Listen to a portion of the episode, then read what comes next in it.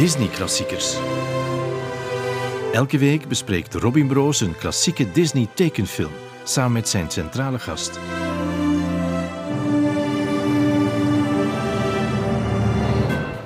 Welkom in de 29e aflevering van Disney Klassiekers met vandaag een zodanig bijzondere film dat ik twee mensen heb uitgenodigd. Eén iemand omdat ik het uh, verplicht ben, Ja. Jeroen van Zwol. beloofd is beloofd. ja, illustrator en cartoonist, uh, bekend als zijn alter ego Zwoltopia. Check zeker zijn website zwoltopia.be, want hij is begonnen met, een een nieuwsbrief. nieuwsbrief en die In ziet er 2021. geweldig cool uit. Dank u wel. Ja, ik heb jou inderdaad beloofd, we hadden samen welke hebben we weer gedaan? Lady and the Tramp. Ja. En toen zei hij, eh, maar ik wil eigenlijk liever Beauty and the Beast Ja, doen. dat is mijn, mijn favoriete film. Hè. Ja, Dat is de film, hè. ja. Dat is Voilà, dus ik heb toen een dure eet gezworen.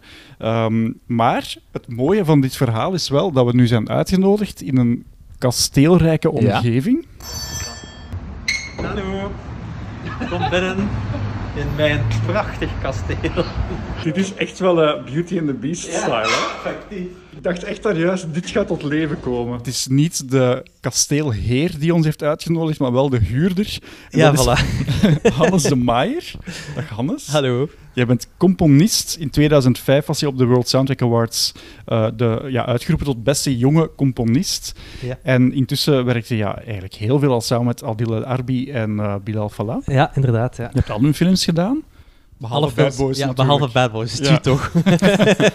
We kunnen jou ook kennen van Professor T. En vorig jaar ook op die. World Soundtrack Awards de prijs gewonnen voor Torpedo. Ja, Een waanzinnig goede, straffe soundtrack. merci. Dat is heel fijn om te horen. En, en die prijs was ook eh, super, ehm, ja, super om te krijgen. Dat is een, fantastische erkenning natuurlijk. En ook jij hebt iets met eh, niet alleen Beauty and the Beast, Ja. deze film, maar eigenlijk met heel die periode. Ik denk dat Ja. dat is omdat wij alle drie generatiegenoten zijn, hè, zo Ja. opgegroeid met er de zeker te maken in de renaissance. Kan jij je nog herinneren wanneer je deze film voor het eerst zag? Goh, voor de eerste keer, dat, dat is moeilijk om te zeggen. eh. Maar ja, we hadden sowieso een videocassette gekregen, denk van als dat het uit was. Dus ik heb die, die videocassette grijs gedraaid, eh, duizenden keren bekeken. En, eh, en inderdaad, eh, gelijk dat je zegt, ik heb iets met Disney. ik- sinds, sinds dat ik klein was, was ik zot van die muziek dan. Hè. Die muziek, allee, Disney-films in het algemeen, maar die muziek was voor mij het summum. En, en ik zong dat constant en dan op mijn piano zoeken en, en proberen spelen. En dus voor mij, ja, dus, ik kan eigenlijk denk ik wel met zekerheid zeggen dat dat een grote invloed heeft gehad in mijn, eh, mijn levenspad, om het zo te zeggen. Allee, of het feit dat ik filmcomponist uiteindelijk ben geworden, is voor een groot deel dankzij, dankzij Disney en de kracht van muziek en beelden. Dat is toch leuk, hè? Ja, Jeroen, ja. eh, heeft Disney voor jou dan dezelfde invloed gehad, maar dan als Ja. het gaat over tekenen? Ja, en ook echt Beauty and the Beast, want dat was... Allee, ja. Die film heeft een speciale grote impact gehad, omdat het een beetje alles was. Het was, het was eh, de animatie, het was eh, een musical, het was, was, maar ook de, de magische objecten. Dus voor Ja. een, een, een klein eh, ventje was dat heel, heel leuk om te zien, van hoe maak je een kaars. Allee, het is niet gewoon dat er twee ogen en een mond op die kaars staan. Nee, die kaars, de lippen, is, Mm. is, is de kandelaar, de, de scheiding tussen de kandelaar en de kaars. En dat zijn zo dingen, dat heeft mij echt heel zot geïnspireerd. Ja. Het was blijkbaar een verhaal dat al heel vaak eh, op het schap had gelegen bij Disney. In de jaren 30 hadden ze de rechten al. In de jaren 50 hebben ze Ah ook eens geprobeerd om het te doen. Ja. Nooit gebeurd. Eh, tot ze dan uiteindelijk na The Little Mermaid dachten, misschien moeten we toch maar terug op dat elan van die sprookjes gaan. En dan werd hij terug van het schap gehaald. Eh, maar ze zijn wel redelijk ver gebleven van het originele Dat is een verhaal. moeilijk verhaal, hè? Dus een redelijk macaber. Ah, Allee, ik, ja, ken het, ik ken het originele verhaal, verhaal- ik, niet. ik nee. ken het half, maar, maar het, het is, ja, het, is, het is veel dramatischer, het is veel droger. Eigenlijk, basically, als ik me goed herinner, het beest vraagt elke avond aan Bel van wil je met mij trouwen? Maar er, zijn, er is geen, geen kandel, er zijn geen zingende objecten. ja, ja, ja. Eh, er is eigenlijk weinig eh, eh, echt diepgang in het beest. En, en er is, hij heeft geen arc waar dat hij doorgaat eh, eh, om, om, om kalmer te worden en, en, en, en zachter te worden. Eh, dat zit er allemaal eigenlijk niet in. Dus dat heeft wel even een zoektocht eh, gehad. Want, want ze hebben eerst een, ja, een paar keer, twee, drie keer eigenlijk door de jaren heen, hebben ze geprobeerd om de traditionele versie te maken. Maar dat is bijna, denk ik, onbekijkbaar voor, Ja. voor eh, kinderen. Ah ja, voor, voor een, een familiefilm uiteindelijk. Ja. Dat klinkt meer als een of andere Scandinavische zwaar, eh, eh, zwaar familiedrama Ja. waar twee dezelfde mensen aan een lange tafel tegenover elkaar zitten en elke avond hetzelfde gesprek voeren. Maar ik Ja. versta wel dat ze het geprobeerd hebben ook, want is de versies die ik al gezien heb, die meer op de traditionele versie gebaseerd zijn, de magie is er, hè. De, de, de grootste magie is er, maar, maar het is, eh, ja, je moet er wel wat aan knutselen om, het- om het een coherent plot van te maken, eigenlijk. Ja, er zat ook geen Gaston in, dus geen, eh, ja, Geen film. ja, geen villain. Ja, een beetje En- wel, maar Ja, ja. is anders. Het beest is natuurlijk de villain, maar die moet wel goed worden aan het einde, want anders heb je geen verhaal. En de zussen, eh, Bel had zussen. Ja. Die zijn nu ook uit dit verhaal geschrapt, eigenlijk om eh, heel die vader-dochterrelatie en zij die achter haar vader blijft staan, ook al wordt hij de, de, de zot van het dorp genoemd, dat dat ook wel een, een, een mooi verhaal van pure liefde, of moet ik dat nu noemen? Dat is echt de meest romantische Disney-film die er ooit gemaakt is. Hè. Draait eh, ja, puur om liefde. Misschien moet ik voor in een onbestaande wereld iemand die hem niet zou gezien hebben, toch nog even kort samenvatten waar de film over Aha, gaat. Ik doe dat altijd, vandaar. Dus Belle die woont samen met haar papa slash uitvinder in een Frans dorpje. Ze is er wat een outcast omdat ze boeken leest. Erg ongewoon voor meisjes van die tijd. Enfin, dat wordt toch duidelijk uit die film. En tegelijk is ze dan wel ook nog eens de potentiële trophy wife van Gaston. Gek, want je zou denken, zo'n krachtpatser in het dorp die heeft eh, geen belezen vrouw nodig, maar hij wil enkel trouwen met het mooiste meisje. En dat is natuurlijk Belle. Die weigert en Gaston op zijn beurt geeft niet op. Intussen is de papa, Maurice, verdwenen. Die was naar een eh, uitvindersbeurs gegaan, de weg kwijtgeraakt. Hij zoekt een slaapplaats in een betoverd kasteel en hij wordt daar opgesloten door een monsterachtig beest, de eigenaar van het pand. Dat was ooit een prins, maar hij werd vervloekt door een vrouw omdat hij op een bepaald moment aan de deur een oude vrouw ehm, de deur had gewezen. Ja, omdat hij onderdak vroeg. Raar vind ik wel, want die Maurice heeft eigenlijk exact hetzelfde gedaan. Maar die- dus wat heeft die vrouw gedaan op het moment dat hij aan de deur stond? Oei, we, we hebben het foutje ontdekt. Ja. Dus omdat hij eh, haar niet zag als voor wie ze was, namelijk een hulpbehoevende vrouw, heeft ze hem vervloekt. Bleek, het bleek dan ook een fantastisch mooie vrouw te zijn. Hij werd vervloekt, eh, werd een lelijk beest en hij zou pas van die vloek afkomen als hij echte liefde vond. Ehm Bel die gaat uiteraard op zoek naar haar papa, vindt hem in de kerker van dat kasteel, vraagt aan het beest of zij de plaats van haar papa mag innemen. En dat is goed nieuws voor het personeel van het kasteel, want die zijn allemaal ook betoverd door diezelfde vloek. Die zijn ja, Een kaars, een klok, ja, een objecten theepot, geworden, ja. maar die dan wel bewegen. En die willen natuurlijk dat het beest liefde vindt en dat zij terug mens kunnen worden. Heb ik het goed uitgelegd? Je hebt het goed uitgelegd. Zeker Ja? vast. Misschien ook eh, vermelden dat, er, eh, dat de betovering ook te maken heeft met een roos. Mhm. En hij moet, voordat die roos, ver- een magische roos, voordat die roos verwelkt, Ja. moet hij die liefde vinden. Anders zullen ze voor eeuwig en altijd ja, beest en objecten blijven. Er is eh, Ja. een, een tikkende tijdbom. Ja. En dus die roos zit onder een stolp. Ja. Eh, je ziet ook dat het een magische roos is, omdat ja, Ze zweeft. Ze zweeft. ze zweeft en, er, en Ze de, magie licht. spat er Ja, eigenlijk letterlijk vanaf. Ja. En hij is heel protectionistisch over die roos, want Bel mag vooral ook niet in die ruimte komen. Maar Ja. natuurlijk, als je tegen een vrouw zegt, je mag niet in deze ruimte komen, dan weten we wat er gebeurt. Of man, ik zou, Of ma- ik zou, Ik ja, Ik daar dag 1 al zitten. Ik heb nog nooit zoveel mails gekregen voor een aflevering. Wauw. Dit moet echt wel een publieksfavoriet zijn. Die heeft met heel veel mensen iets gedaan. Heel veel mensen die mij gevraagd hebben of ze mochten meedoen. Ja. Die mij tips gaven over waar we het over kunnen hebben. Ehm, wat mij deed beslissen om de film niet alleen te bekijken deze week, maar met mijn lief en mijn twee beste vrienden. Ja. Waardoor ik af en toe ook hun eh, zaken heb genoteerd. Ik moet er ook bij zeggen, wij hebben hem uiteindelijk deze week in het Nederlands bekeken, omdat een van eh, het gezelschap, ik ga haar naam noemen, Carlien Bekkers, blijkbaar de integrale soundtrack, de Nederlandstalige soundtrack, uit het hoofd kent. En dat gaf wel een extra dat is dimensie. de laatste soundtrack die ik in het Nederlands ken. Dat is de, eigenlijk de, de, de laatste Disney-film die ik in het Nederlands gezien heb. Daarna ben ik overgestapt naar de, de, eh, eh, Naar de originele echte. versies. Ja. ja, de echte versies, maar ik wil niet te gemeen zijn. Ehm, en dat is de enige film die ik in het Nederlands nog van buiten ken. Ja. Kom er bij, kom erbij, zet je zorgen maar opzij. Ja, ik had sowieso ook vroeger in het Nederlands Ja. gezien. Maar bij mij is het zo, zeker qua liedjes, omdat ik ja, die liedjes nog zoveel ook heb beluisterd en gespeeld, Dat zit in uw... Ja. is In het zo'n beetje zo... Ik schakel zo over van Nederlands naar Engels, omdat Ne- Nederlands is al iets langer geleden, maar dat zit uiteraard nog in mijn, in mijn collectief geheugen, dus dat is wel een bizar, eh, bizar Het zijn ook resultaat. echt goede Nederlandse stemmen. Mag ik dat wel zeggen? Ik Ben, Ja, Ik geef dat moeilijk toe, maar het is wel echt zo Lumière. Ik vind die echt fantastisch. maar ik weet niet of dat, dat, die, dat die stemmen, dat dat toen ook bekende mensen zijn, maar ik, ik, ik heb een beetje... eh, een beetje nostalgie naar die tijd. Nu moet het altijd bekende stemmen zijn, Ja. wat, dat, wat dat daarom niet... Toen waren het stemacteurs, echt. Ja. Ja. dat is niet altijd de goede keuze, want dat is niet per se dat het altijd goede mensen zijn. Dat vind ik een beetje jammer.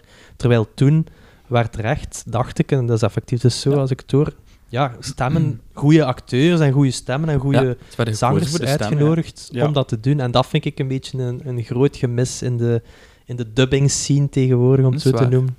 Dat was een vak apart en ook in de VS, want dat is pas later gekomen, eigenlijk bij eh, Aladdin, waar Robin Williams gevraagd was om die Ja. geest te spelen, wat dan heeft de Een floodgates hele- opengezet uiteindelijk. Ja. inderdaad, dan hebben ze gemerkt van, ah ja, oké, als we echt een celebrity vragen om iets Ja, te doen, ja, ja. dan genereert dat nog eens extra aandacht. Nu, Robin Voor- Williams heeft dat wel fantastisch Hij heeft dat gedaan. dus fantastisch gedaan, dat is maar wel een... eh, in Beauty and the Beast waren het alleen voornamelijk Broadway-acteurs uiteindelijk. Hè. Klopt. Ja. bijvoorbeeld eh, Jerry Orbach, die Lumière speelt, is uiteindelijk ook een redelijk bekend acteur. ehm, maar dat was een song and dance man. En zeker toen, die kwam van Broadway. Angela Lansbury, ook Mhm. wereldbekend natuurlijk, maar Broadway ook. Al ja, Allemaal stemmen die, die perfect zijn voor een musical. eh, en, en het is niet ja, in één keer Zendaya of... of Zendaya is Lola Bunny, ik ben dan nog aan het verwerken in de nieuwe Space Jam. Dat is zo een random castingkeuze. Ja, ik, ik, ik meen het uit jouw sociale media te hebben afgeleid dat je heel erg enthousiast bent over de nieuwe Space Jam. Ik ben eh, daar enthousiast over. Ehm, ook al weet ik dat het waarschijnlijk niet zo fantastisch zal zijn. Maar dus, dus, eh, laten we soms de nostalgie een beetje laten winnen. Ja, voor, voor Belle in deze film, ja, we komen van The Little Mermaid, de eerste film, terug met liedjes, eh, een sprookje. Men had eigenlijk aanvankelijk gedacht, we vragen gewoon dezelfde stemactrice om ook Belle te doen. Tot als Ja. men dan besefte van ja, die, de, de, wie Ariel gedaan heeft, Mhm. Jodie Benson. die klinkt te Amerikaans. En dat kan echt niet voor een personage dat in Ja. Frankrijk Oké, woont. dat is wel interessant. Dat wist Ja. ik niet. Waarop ze dan eh, Paige O'Hara gevraagd hebben Mhm. om auditie te doen.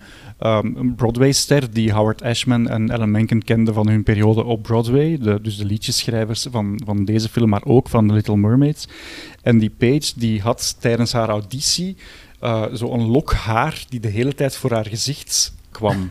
En dat zagen ze dus op de opnames, want Ja. daar werden ook videoopnames van gemaakt. En dat heeft dan weer de animatoren geïnspireerd om Allee. dat met Belle heel vaak in Ja. de film te doen. En ik heb Ja, geprobeerd om erop te letten nu, Mhm. wanneer gebeurt dat? Want het is niet altijd. En ik weet het eigenlijk niet of er een logica in zit. Ik denk dat het een beetje afhangt welke animator eh, Ah, zo. met Bel bezig was. en die ervoor koos om dat hier en daar te verwerken. Want natuurlijk, allee, elk personage heeft een, een lead animator en, en een paar eh, sub-animators, of hoe hoe mag ik zeggen. En ik denk dat een van die dat meer zal verwerkt hebben dan de rest. Ik ga er nu ook op letten, want ik weet eigenlijk niet... Ik, ik kan het me zo inbeelden dat ze het doen, maar Ja, ik zeg Ja, ja, me ja. niet welke scène. Ja, of ze- zijn het zo de scènes waar ze zo wat, wat naïver is? Of, of Ja. wanneer ze zo... ehm, wa- wanneer ze ontdooit tegenover het beest, Aha. bijvoorbeeld. Ik zie het nu zo voor mij dat ze dan zo... hè, In de zo- sneeuw zo, is het niet Ja, daar ook? ja, dat ze- Bij dat liedje zo, hè? Ja. Something There, is het ook niet zo dat ze Ja. daar dan... Als ze achter die boom staan. Ja, ja, dat zou wel kunnen. Ja, Wat trouwens heel raar is.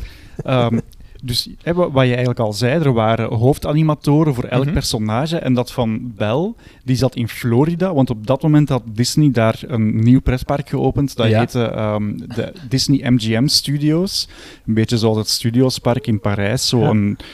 Een beetje om de concurrentie met Universal aan te Mhm. gaan. En omdat ze toen nog dachten, ja, mensen gaan echt naar ons komen om te zien hoe films worden gemaakt, hadden ze daar ook echt een miniatuur animatiestudio gebouwd. We don't consider ourselves an attraction as such, although that's indeed what we what we are to the guests. We're a fully operational studio. We've opened our doors and let our guests come in and, and watch our artists at work. But what they're seeing is, is, is a real studio. Beetje gelijk een dierentuin eigenlijk? Gelijk Ja. mensen aan het werk zag. En dus de hoofdanimator van Bell zat daar. Ja. Terwijl Glenn Keane, die dan de hoofdanimator was voor het beest, Beest, ja. die zat dan in Burbank. Nee, nee, in Glendale. Want ze waren toen al verkast van de eigenlijke studio naar 20 kilometer verderop in hangaars, want animatie was niet belangrijk meer. Eh, dat hebben we vorige week denk ik al in de podcast aangehaald. Die konden dus eigenlijk nooit met elkaar overleggen. Fysiek dan toch. Dus dan moesten er s'nachts moest er een koerier van de ene naar de andere gaan om te laten zien wat die zijn werk was. De dailies gaan eh, transporteren. Zot. Zalig. Aan de andere kant van, ik het niet. land. Knettergek. Ja, dat is wel Ja. echt zot. Puur gewoon voor het entertainment van tickethouders. Disney, hè. always will and always will be. Ja, intussen is die attractie trouwens gestopt. Dat park bestaat nog altijd, maar dat Mhm. is nu vooral ehm, eh, Star Wars en Pixar geworden. En Ja, eigenlijk alles wat met het Hollywood-aspect is wat verdwenen. Hè. Ook in Parijs is Ja. dat eh, aan het verdwijnen volledig. eh. Omdat dat niet werkt. Omdat Dat mensen werkt daar eigenlijk niet op zitten te wachten. Omdat mensen ook niet, niet zo dom zijn om te geloven dat daar echt films worden gemaakt. Ja. ja, en er is algemeen, denk ik, nog weinig nostalgie naar dat tijdperk van Hollywood, denk ik. Dat leeft, denk ik, niet echt meer. Disney MGM Studios theme park at Walt Disney World in Florida. Nu we het toch over Bel hebben, ehm, ik, ga, ik ga er een mail bij nemen. Ik heb dus echt heel veel mails gekregen, maar een van die mails was van iemand met wie ik al lang niet meer zoveel contact heb gehad. eh, Hanne Vermeijren. Mhm. Ehm, een meisje met wie ik voor de studentenkrant in Leuven nog heb geschreven. En die stuurde mij een heel lange mail. Ik ga het begin voorlezen. Lieve Robin, oké, dus ik luister nu al enkele weken naar jouw podcast. Eerst in stilte bij mijn wandeling s'avonds, maar intussen ook als ik strijk, als ik poets, als ik kook en al lang niet meer in stilte. Ondertussen lag ik luid op, spreek ik je tegen, vul ik aan, geef ik tips. Tot zover alles normaal, denk ik. Ik heb intussen drie kinderen. Een beetje praten met anderen die niet luisteren is mij niet ongewoon. Maar... Over enkele weken komt Belle en het Beest eraan, mijn absolute favoriet. Bovendien is het voor mij een feministische film. Mhm. En dus wil ik als 100% feminist heel graag dat dit pareltje met zorg wordt behandeld. Vandaar deze mail. Het blijft bij deze ene, al kan ik dat niet beloven. Het blijft waarschijnlijk bij deze ene. Oké. Ja, nu zitten we weer met drie mannen. Nu zitten we weer met drie mannen. Daarom dat ik hem af en toe als we geheugensteuntje er we ga mogen het er wel bijnemen. over hebben, hè, want het is, het is wel echt een belangrijk aspect in die periode van, van Disney-films. eh, een beetje begonnen bij Little Mermaid, dat de vrouwen echt een veel actievere rol hadden en ja, een, een veel, veel meer diepgang. Eh, dat was een heel goede evolutie, vond ik. Eh, en als je kijkt ook naar, naar de Disney-films van die periode, het zijn bijna allemaal female leads uiteindelijk, strong female leads. Dus ik vind dat wel een, een, een mooie periode op dat vlak. Als je kijkt naar de oudere films, basically waren dat, ja, die vrouwen waren gewoon aan het wachten op een prins uiteindelijk. Ja, prinsessen Eh, of inderdaad. Ja, ja. Ze zongen wel en, en ze hadden wel een beetje een, een eigen identiteit, maar het was toch een beetje slapjes uiteindelijk. Hanne schrijft hierover. eh Belle was de eerste prinses of heldin. Ze is geen prinses, ze is een heldin. Waar ik me echt in herkende. En dat gaat om te beginnen al over het feit dat ze bruin haar had. Dit was de eerste Disney-prinses met bruin haar. Daarvoor was het, het is één keer serieus? zwart geweest, Sneeuwwitje. ja. Maar dan was het meestal blond of rood in het Rood, geval van ja. Ariel. Mhm. Ja. Ja, dat was denk ik een, een buitenbeentje. Dat was een buitenbeentje. Ze had ook geen benen. Ja, ze had dus geen lang blond haar, het was geen assenpoester, geen doornroosje. Sorry. Wat zeg je? Een buitenvinnetje. Want het zat niet echt benen. Buitenstaart. Ja, maar ja, het is Maar dus geen van die talloze andere poppenmiekes die al in sprookjesboeken stonden. Lelieblank, blond, blauwe ogen, rustig bedeesd. Nee, eindelijk een heldin met bruin haar zoals ik. En een heldin die hield van lezen. Ja. Want daar komt een heel grappige quote van. Enfin, dus ik, heb hem, ik heb hem nu in het Nederlands moeten opschrijven, omdat we het in het Nederlands hebben gezien. Maar op een bepaald moment zegt Gaston: Een echte vrouw die leest toch niet? Voor je het weet ga je nog denken. Mhm. Ja, inderdaad. Wauw. Fuck man. Ja. het was wel goed voor zijn, voor zijn eh, personage neer te zetten natuurlijk ook. Hè. Ja. Ja. Sympathie was direct weg. ja. Ja. Maar dat, dat geeft eigenlijk wel aan hoe briljant die openingsscène is. We hebben dus Ja. eerst een Mhm. proloog waar een vertelstem ons in het eh, sprookje loodst en dat hele verhaal van die prins die, eh, die betoverd wordt en dan een, een beest wordt. Dat even los ervan. De eerste echte scène is Belle die uit haar huis komt alsof het een gescripte Broadway musical is, die door haar dorpje loopt. En, en dat hebben we bij The Little Mermaid ook al eens gezien. Een echte I Want song. En I Want. En Ja. in, in die liedjes kun je zoveel dingen vertellen die je niet over je lippen krijgt in, in, in een gesproken versie. Dus gans, gans de setup van, van, van verschillende personages wordt in dat één lied. Het is echt die, fantastisch die, verteld ja, die openingsscène is gewoon op, op alle vlakken geniaal. Hè? Eh, inderdaad, de setting en, het ver- verhaalmatig, maar die muziek is, is, is, is fantastisch ook. eh denk, denk een van de, van de betere of, of de beste openingsscène van, van, Mhm. van gelijk welke tekenfilm dat ik, dat ik ken, denk ik. Het is ja. echt geniaal. En The Lion King. Daar zag ik deze Lion King, ja, het is een discussie van Ja. Het is inderdaad- Ja, het is, eh, maar het is dus anders. The Lion King is, is meer nog een film met liedjes. Ja, ja, ja. ik ja, vind ja. Beauty and the Beast is echt het eerste voorbeeld van... Dat is nu een keer echt een volledige Broadway musical. Ja. Little Mermaid was dat ook al voor een deel. Maar inderdaad, Maar- zo, het statement van te zeggen de beste opening is natuurlijk een... eh, misschien vergeet ik dingen aan de Lion King bijvoorbeeld, maar het is één van de, zal ik dan zeggen. eh, maar effectief, het is zo... Het is één van de beste Eén van de musicals beste. Daar- van de daar laatste moeten we het toch over eens zijn. Ja. Volgens eh, het making-of boekje dat ik bij heb, Ja. daar las ik vanochtend nog in, dat ze daarom ook Broadway-sterren hadden aangetrokken. Mhm. eh, omdat men echt puur dan vanuit het kapitalistisch gegeven, dat men al voorspeld had, hier moet ooit ook een eh theatershow van komen. Ja. En dan kun je het maar beter nu al goed in de markt zetten, dat dat personages zijn die goed zingen. En dus niet zomaar een stemacteur die Ja, ja, toevallig ja. ook eens een liedje zingt. Uiteindelijk zijn ze wel niet in de Broadway-versie geraakt. Daar is Ja. toch een Broadway musical Ja, van ja, gemaakt? maar het zijn niet dezelfde Ah, niet acteurs, dezelfde acteurs. Nee, Ja, ja, nee, nee, ja. nee, klopt, klopt. Uh, die waren Ik ben waarschijnlijk al lang naam kwijt, van- maar Belle is... De eerste Belle is, eh, op de Broadway-versie, is Meg at Hercules. Ja, inderdaad, dat is die Ja. stem, hè. Ja. Little town, it's a quiet village. Every day, like the one before. Maar, want ja, Hannes, jij vertelde daar juist Ja. dat, je, ehm, dat je die soundtrack van de musical, dat Ja. je die op cd had. Ja, ja, die had ik op CD. Ja, dat is raar, hè. De, de, de originele... Allee, de soundtrack van, van de film zelf had ik niet op CD. Ehm, had ik wel op mijn computer staan, Mhm. maar, maar effectief een CD, Mhm. die van, eh, van Beauty and... Allee, van, van de musical, ja. Ook fantastisch. Eh, De uitbreidingen zijn ook goed, echt. Hè? de, de nieuwe songs zijn ook echt zo schoon. Home is bijvoorbeeld echt een prachtig nummer dat niet in de film zit en ook niet in de, de remake. Is? Is this where I shall learn to be happy? Eh, maar dat gaat over hè, Belle die dan alleen is eh, in, Ja. in het kasteel en, en ze, ze mist haar thuis, haar, haar home. Ik vind dat heel leuk om, ook om te zien hoe ze die musical uitbreiden, want ze gebruiken cues uit de score, Ja, waar ze dan eigenlijk ja liedjes, super. melodieën, allee, liedjes rond maken. En Ja, ik, ik vind dat fantastisch. Ik vind dat zo goed gedaan. Bijvoorbeeld het thema van, van, ehm, van, van, hoe moet ik het zeggen, de roos van de Mhm. opening. Ja. Dat is, die melodie is effectief inderdaad Ja. een melodie geworden die, die het beest, allee, een, een thema van het beest. En, en Maurice, zijn liedje, Ja. in het begin, ik weet, ik ben de naam kwijt, is ook eigenlijk is uit de score eh, een stukje gepikt en uitgebreid. Ik vind dat zot hoe dat ze dat... Ja. Want van Maurice was er wel origineel ook een nummer geschreven, maar dat is dan uit de film geknipt. Omdat Ja. men dacht, die heeft geen eh, eigen nummer nodig. Dat is Ja. een nevenpersonage.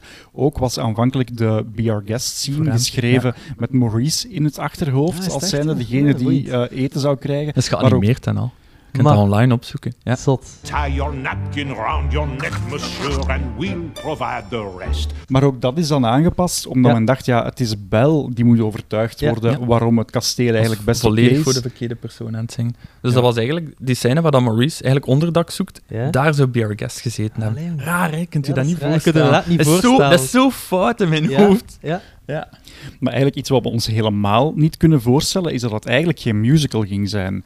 Toen ze zijn beginnen met storyboarden, hebben ze zes maanden gewerkt aan een verhaal waarin dus geen Mhm. liedjes kwamen.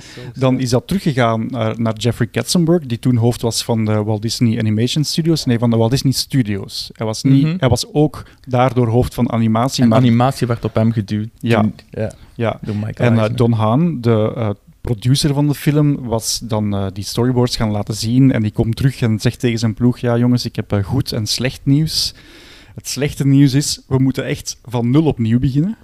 Maar het goede nieuws is, we gaan op vakantie naar de Loire-streek en dan gaan we daar wat inspiratie op doen. Ja. is het echt, hè? Field trips. Ja. En dat zie je ook wel in de details, die zijn ongelooflijk. de manier hoe, hoe, hoe dat kasteel, hoe ja, dat ja, bos, ja. Hoe, hoe, hoe dat dorpje in Ja. beeld wordt gebracht, je gelooft ook wel echt, zonder dat het ooit wordt genoemd dat het een Frans dorpje is, Ja. zie je het wel. En het is uiteindelijk wel nog altijd heel gestileerd, maar de kern is er. Hè? Ja. Ja. Want dat zijn zo van die dingen dat bij de live-action versie, los van wat je van de film vindt, dat kasteel en zo, ik vind dat bijna saai om naar te kijken. Omdat ze dat zo terugbrengen naar een realistische kern en de zwaartekracht en weet ik veel. En ze letten meer op de echte architectuur dat toen er was voor de juiste periode. En de magie is dus een beetje verdwenen, vind ik dan. Ja, ja, ja, ja. Ja, door het nu in het Nederlands opnieuw te bekijken, mijn eh goede kameraad Jelle Goossens stelde vast dat het toch ook wel gek is, en dat moet in het Engels ook geweest zijn, je hebt dus, er wordt gezongen en gesproken in een bepaalde taal, maar dan Mhm. bepaalde dingen worden wel nog in het Frans gezegd. Hè. Bonjour, Ja. baguette, al die dingen zijn nog Frans. Dus eigenlijk zou je kunnen zeggen dat we in een soort van faciliteitengemeente zitten. Ja. Eh, ja, die openingsscène, vond je die verder, los van het decor, in de remake geslaagd? Want eigenlijk was die quasi één op één, hè? Totaal niet. Nee? Nee, maar ik vind, ja, ik vind niet dat je iemand moet nemen die eigenlijk niet kan zingen. Dat is al het grootste begin. Ja. Wat, hetgene dat dat, er mij inderdaad zijn die niet, echt niet kunnen zingen. Hetgene dat mij het meeste stoorde bij, bij de remake, en dat heeft mij een beetje afgeleid van alles, is het, is het, is het extreme gebruik van autotune. Mhm. Voor Eh, mensen ja. die autotune niet kennen, dat, is, dat kunnen de corrigeren. Hè, de- de- als er iemand een beetje vals zingt, dan kunnen we dat corrigeren tot perfect. Maar de autotune was ook zodanig perfect gedaan dat er niks van leven of imperfecties in zaten. En dat was voor mij echt het, het grootste... Allee, uiteraard is dat iets waar ik vrij op let als muzikant. Maar nee, dat was zo... Ik vond dat... Ja, ik, ik heb mij daar ga, gans de film aan geërgerd. En Ja, want ik heb er nooit ik- echt goed van genieten. zeggen, ook, meestal ben ik allee, bij die remakes ben ik al zo op voorhand een beetje eer. Maar Hm. omdat het een musical is, heb ik, had- stond ik er een beetje voor open. Omdat, ah, musicals, een nieuwe interpretatie van een musical. Dat kan, dat mag. Ja. Maar ik vond het geen goede interpretatie. Ja, spijtig, want ik denk dat ik er wel open voor sta om daar iets, iets, een nieuwe versie van Mhm. te zien dat kan werken. Allee, sowieso, zeker uit nostalgisch vlak en ook omdat het zodanig geniaal is, zal het sowieso nooit kunnen benaderen wat het origineel is, maar er waren inderdaad wel, er zat potentieel in. En ik was, heel, eh, ik was wel een beetje, allee, beetje, ik was teleurgesteld in, in het resultaat. Ik heb er niet zo van genoten. En ik heb het ook sindsdien, ik heb het eh, in de cinema in de tijd gezien, maar ik heb het nooit meer opnieuw opgezet op eh, Disney Plus of zo. Dus, eh, Ik herinner mij vooral Emma Watson en ik heb daar fijne herinneringen aan. maar Ja. dat geheel terzijde. Ja, oké, Robin. Ja. ja. En ook wel dat die film veel diverser was, in tegenstelling Ja, tot ja, de tekenfilm, wat een, een gedurfde keuze is en ook historisch, maar het is natuurlijk een verzonnen verhaal, maar wat, Mhm. compleet geen steek houdt. Nee, maar daar kan ik, dat vind ik, daar mogen we allemaal over kijken. Want in die context, maar nu moet ik het even terugzoeken, was er ook iets aangepast in de, ehm, in de openingsscène, dus die monoloog. Daar zou ook een, eh, een, een soort van tekst, allee, daar is één woord in aangepast in een nieuwe versie. Dus op een bepaald moment zegt die stem: If you could learn to love another and earn her love in return. En dat is aangepast to earn their love in Hmm, return. ja. Om het in het midden te laten of Ja. dat een man of een vrouw was. If he could learn to love another and earn their love in return by the time the last petal fell. Dat is nice. Ja. Ja, ik weet niet wanneer het ongeveer gebeurd is. Ik vermoed ergens na 2000, na de vreselijke eh, DVD-release van Beauty and the Beast, waar dan een nummer aan toegevoegd is. Wat vinden jullie daarvan? Hebben jullie die ooit gezien? Nee, je bedoelt Human de, Human Again. aan de Ik vind dat tekenfilm.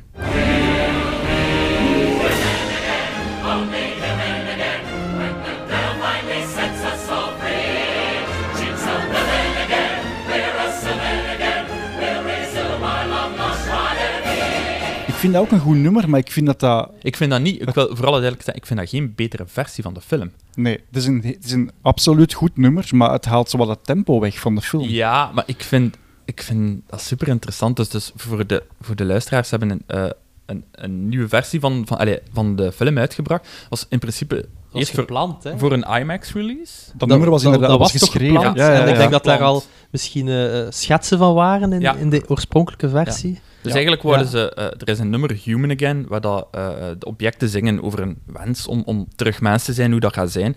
Dat ging eerst in de originele film zitten, Mhm. maar er zit eh, in de original, originele lyrics van vroeger zit er referentie naar de, de Passage of Time.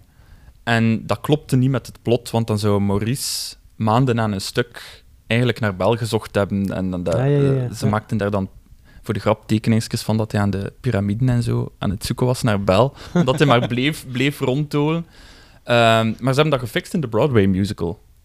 Ehm, en daar is dat een fantastisch, fantastisch nummer, vind ik. Ja. Ik vind dat ook een, een hoogtepunt. Wel, in, ik ken dat eh, nummer eigenlijk enkel van op mijn cd en van Ja. de Broadway, allee, de musical versie. Ik heb nooit de versie gezien van de tekenfilm met, eh, met, met het nummer erin. Maar, Wel, eh, ze hebben dus, dus eigenlijk na Something There en voor Beauty and the Beast, eh, voor die nummers, hebben ze dat ertussen gestoken. Hmm. Het is een beetje te veel achter elkaar, maar het is wel zeer interessant. Eh, want ze hebben een nieuwe scène geanimeerd met dezelfde voice actors. En dat naadloos verwerkt, allez, redelijk naadloos verwerkt in de originele film. En dat kan je alleen maar in animatie doen. Ja. De stemacteurs, en de stem, met een beetje chance, is die nog Mhm. exact hetzelfde. Ja. 2D-animatie kun je perfect op elkaar afstemmen dat dat eruit ziet zoals vroeger. Dat is met CGI eigenlijk al moeilijker. Mhm. Eh, dus ik vind dat heel...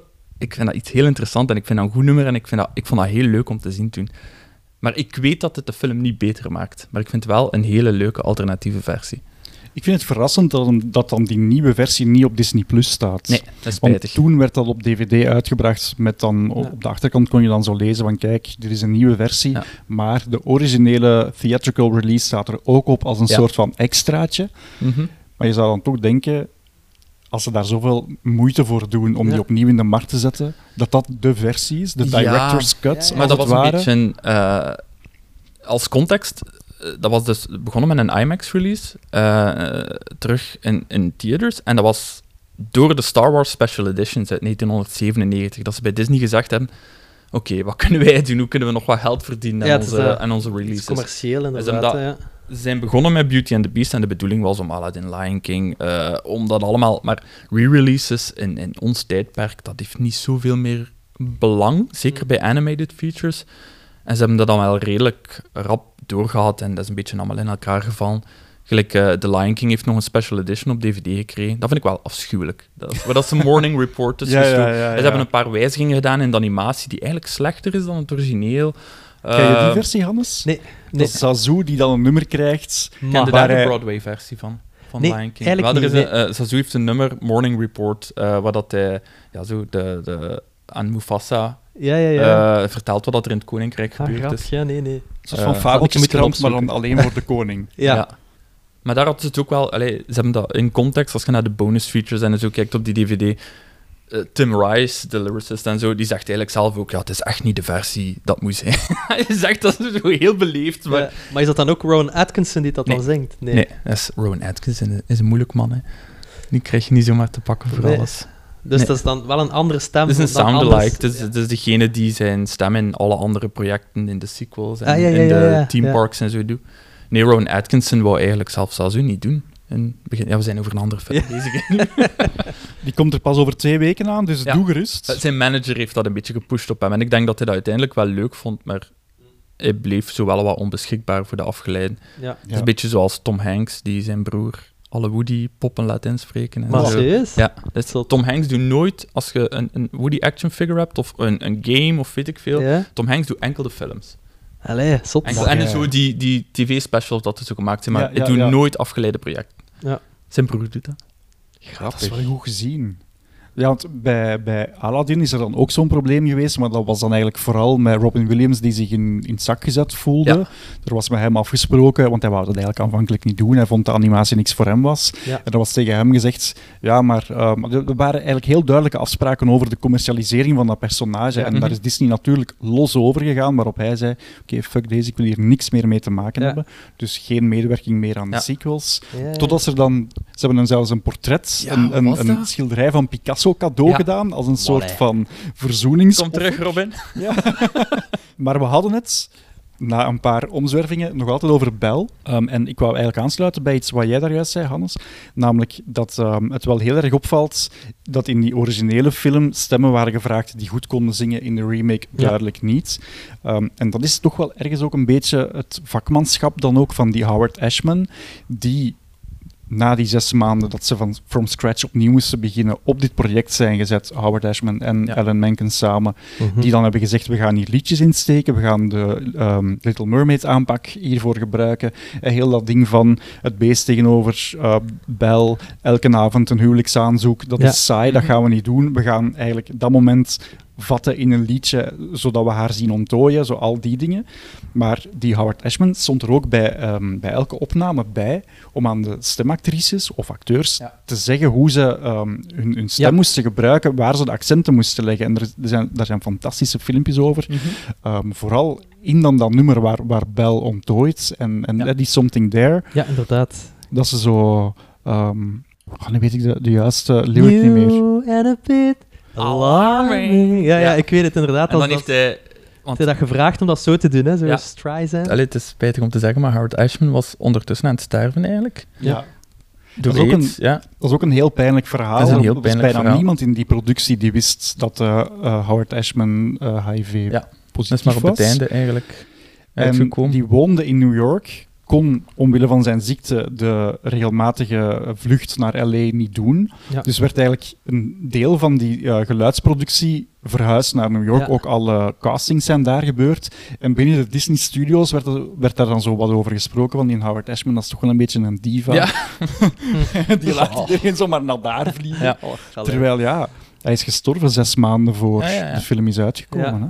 Hij heeft eh, enkel nog geweten dat hij staande ovatie heeft gekregen. Ja. Work in Progress. Wat ook een heel raar verhaal is. Op een bepaald moment heeft Disney besloten om in New York een vertoning te doen voor een volwassen publiek. Ja. Met een film die New maar York Critics, dat is heel belangrijk. Dat zijn heel kritische mensen. Ja, ja, ja, ja, ja inderdaad. Ja. Maar vooral dus niet voor een jong publiek, Mhm. want dat is vaak het testpubliek. Hè.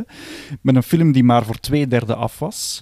En het andere derde waren gewoon de storyboards, dus eigenlijk ja, niet geanimeerde tekeningen, waar, eh, waar dan gewoon stemmen over geplakt werden om de rest van het verhaal te Mhm. vertellen. Ja. Zoals dat dan Dat vaak gepitcht werd in de studio's. Ja. maar vooral niet voor publiek bedoeld is. En aan het einde daarvan blijkt volgens de overlevering Ja. die zaal recht te staan, staande ovatie, Dat is applaus. ja. Ja. Wat ah ja, heel uniek is. En, en, ja. en dan wist Disney eigenlijk van, ja, We hebben iets dat gaat vast. hier iets eh, fantastisch worden. Ja.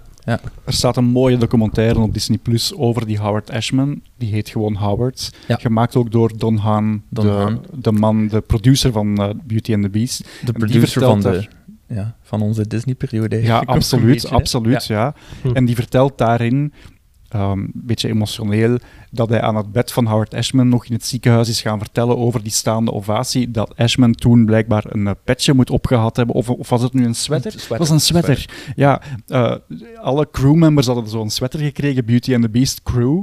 En dus hij lag onder zijn deken, maar dan Ja. moet zijn partner gezegd hebben van ja, doe dat deken even Mhm. naar beneden, zodat iedereen toch maar zou gezien hebben van zie eens hoe trots hij is dat hij aan dit project heeft meegewerkt. Ja. Want hij heeft zelfs een sweater op zijn, op zijn ja, Ja. sterfbed aan. Ja. En een paar dagen later is hij dan gestorven. We all were really aware that this was probably the last time we would see him. And I bent over to say my goodbyes and uh, and tell him what he meant to us. And and I said, Howard, you wouldn't believe it. I mean, it, it, people love this movie. Who'd have thought? And Howard said, I would have. Ja, zot, Ja, ik kon op dat punt zelf denk ik niet meer zien. Ja, hij was zijn, Nee, zijn nee, nee, zicht nee. al verloren en zo. Echt daar. Ja, ik vind dat echt afschuwelijk. Ik vind dat een triestig verhaal, maar een prachtig verhaal wat hij nog gedaan heeft in, in zijn laatste Ja, ook, eigenlijk, ook delen van, van Aladdin, hè, toch? Ja, delen van Aladdin ook. Ja. Dus na The Little Mermaid waren het eh, Ashman en Menken zelf die aangaven we willen heel graag met die Aladdin aan de slag gaan, want Mhm. dat was ook iets wat bij Disney al lang klaar stond, maar Ja. niemand eh, had aangegrepen om te doen. En dus die waren daarmee bezig, die hebben inderdaad een aantal nummers geschreven, Ja. maar dan werden ze plots van dat project afgehaald omdat ze Beauty and the Beast moesten Mhm. redden. Ja. Dus die film hebben ze volledig gedaan samen. Ja. Eh, en dan hebben ze redelijk wat kunnen recupereren wel, hè, voor ja, wat ze ja. al gedaan hadden. En Ja. dan is. Tim Rice in Tim de loop Rice is dan gekomen. om- voor, ja. ja. Ja. Ja, zot. Ja, ik vind ook wel belangrijk dat we benadrukken, Howard Ashman en Alan Menken, hoeveel impact dat die op het verhaal ook altijd gehad hebben. Dat zijn niet Mhm. gewoon mensen die zeggen, schrijf ons dat liedje. Nee, zij, Nee. zij zeggen, je hebt hier dat lied nodig dat dit zegt en dat Ja. dit communiceert. Ik, ja, die, die waren heel cruciaal in het verhaal ook. Hè. Die, hebben, ja, die waren eigenlijk basically een beetje koppig. Van, wij zullen wij wel de musical maken, we zullen het verhaal hier wel vertalen. Ja. Allee, eh, iedereen heeft echt, want vergelijking met latere films vind ik echt serieuze group effort, die film. Maar die impact van, van, van hun storytelling capaciteiten mogen we echt niet onderschatten. Dat is waarschijnlijk dan ook omdat ze er juist zijn bijgehaald bij Little, Little Mermaid. Ja. Omdat ze iets nodig hadden en dat ze daar dan de lied genomen hebben. Ik denk dat ze dan wel een beetje... Allee, dat ze dat mochten doen, denk ik. Ja. Iemand, gelijk al andere componisten en tekstschrijvers dat, misschien niet, niet mogen doen op die manier, maar ik denk dat ze gewoon... Ja, ze hebben, ze hebben de know-how. Ze hebben bewezen met de... Sorry, met de kleine zeemeermin dat Ja. dat gewerkt heeft. Dus ik denk dat dat ook wel st- allee, meegeholpen heeft in hun eh, zelfvertrouwen of, Aha. of een appreciatie, respect van eh, Disney ten opzichte van hen. Howard was wel een force ook, hè. Dat is, eh, dat dat wel redelijk heel last- makkelijk allee, was, lastig. ja, ja. Hij, hij wist wat hij wou en, Ja. en hij ging ervoor. Hè. Ja.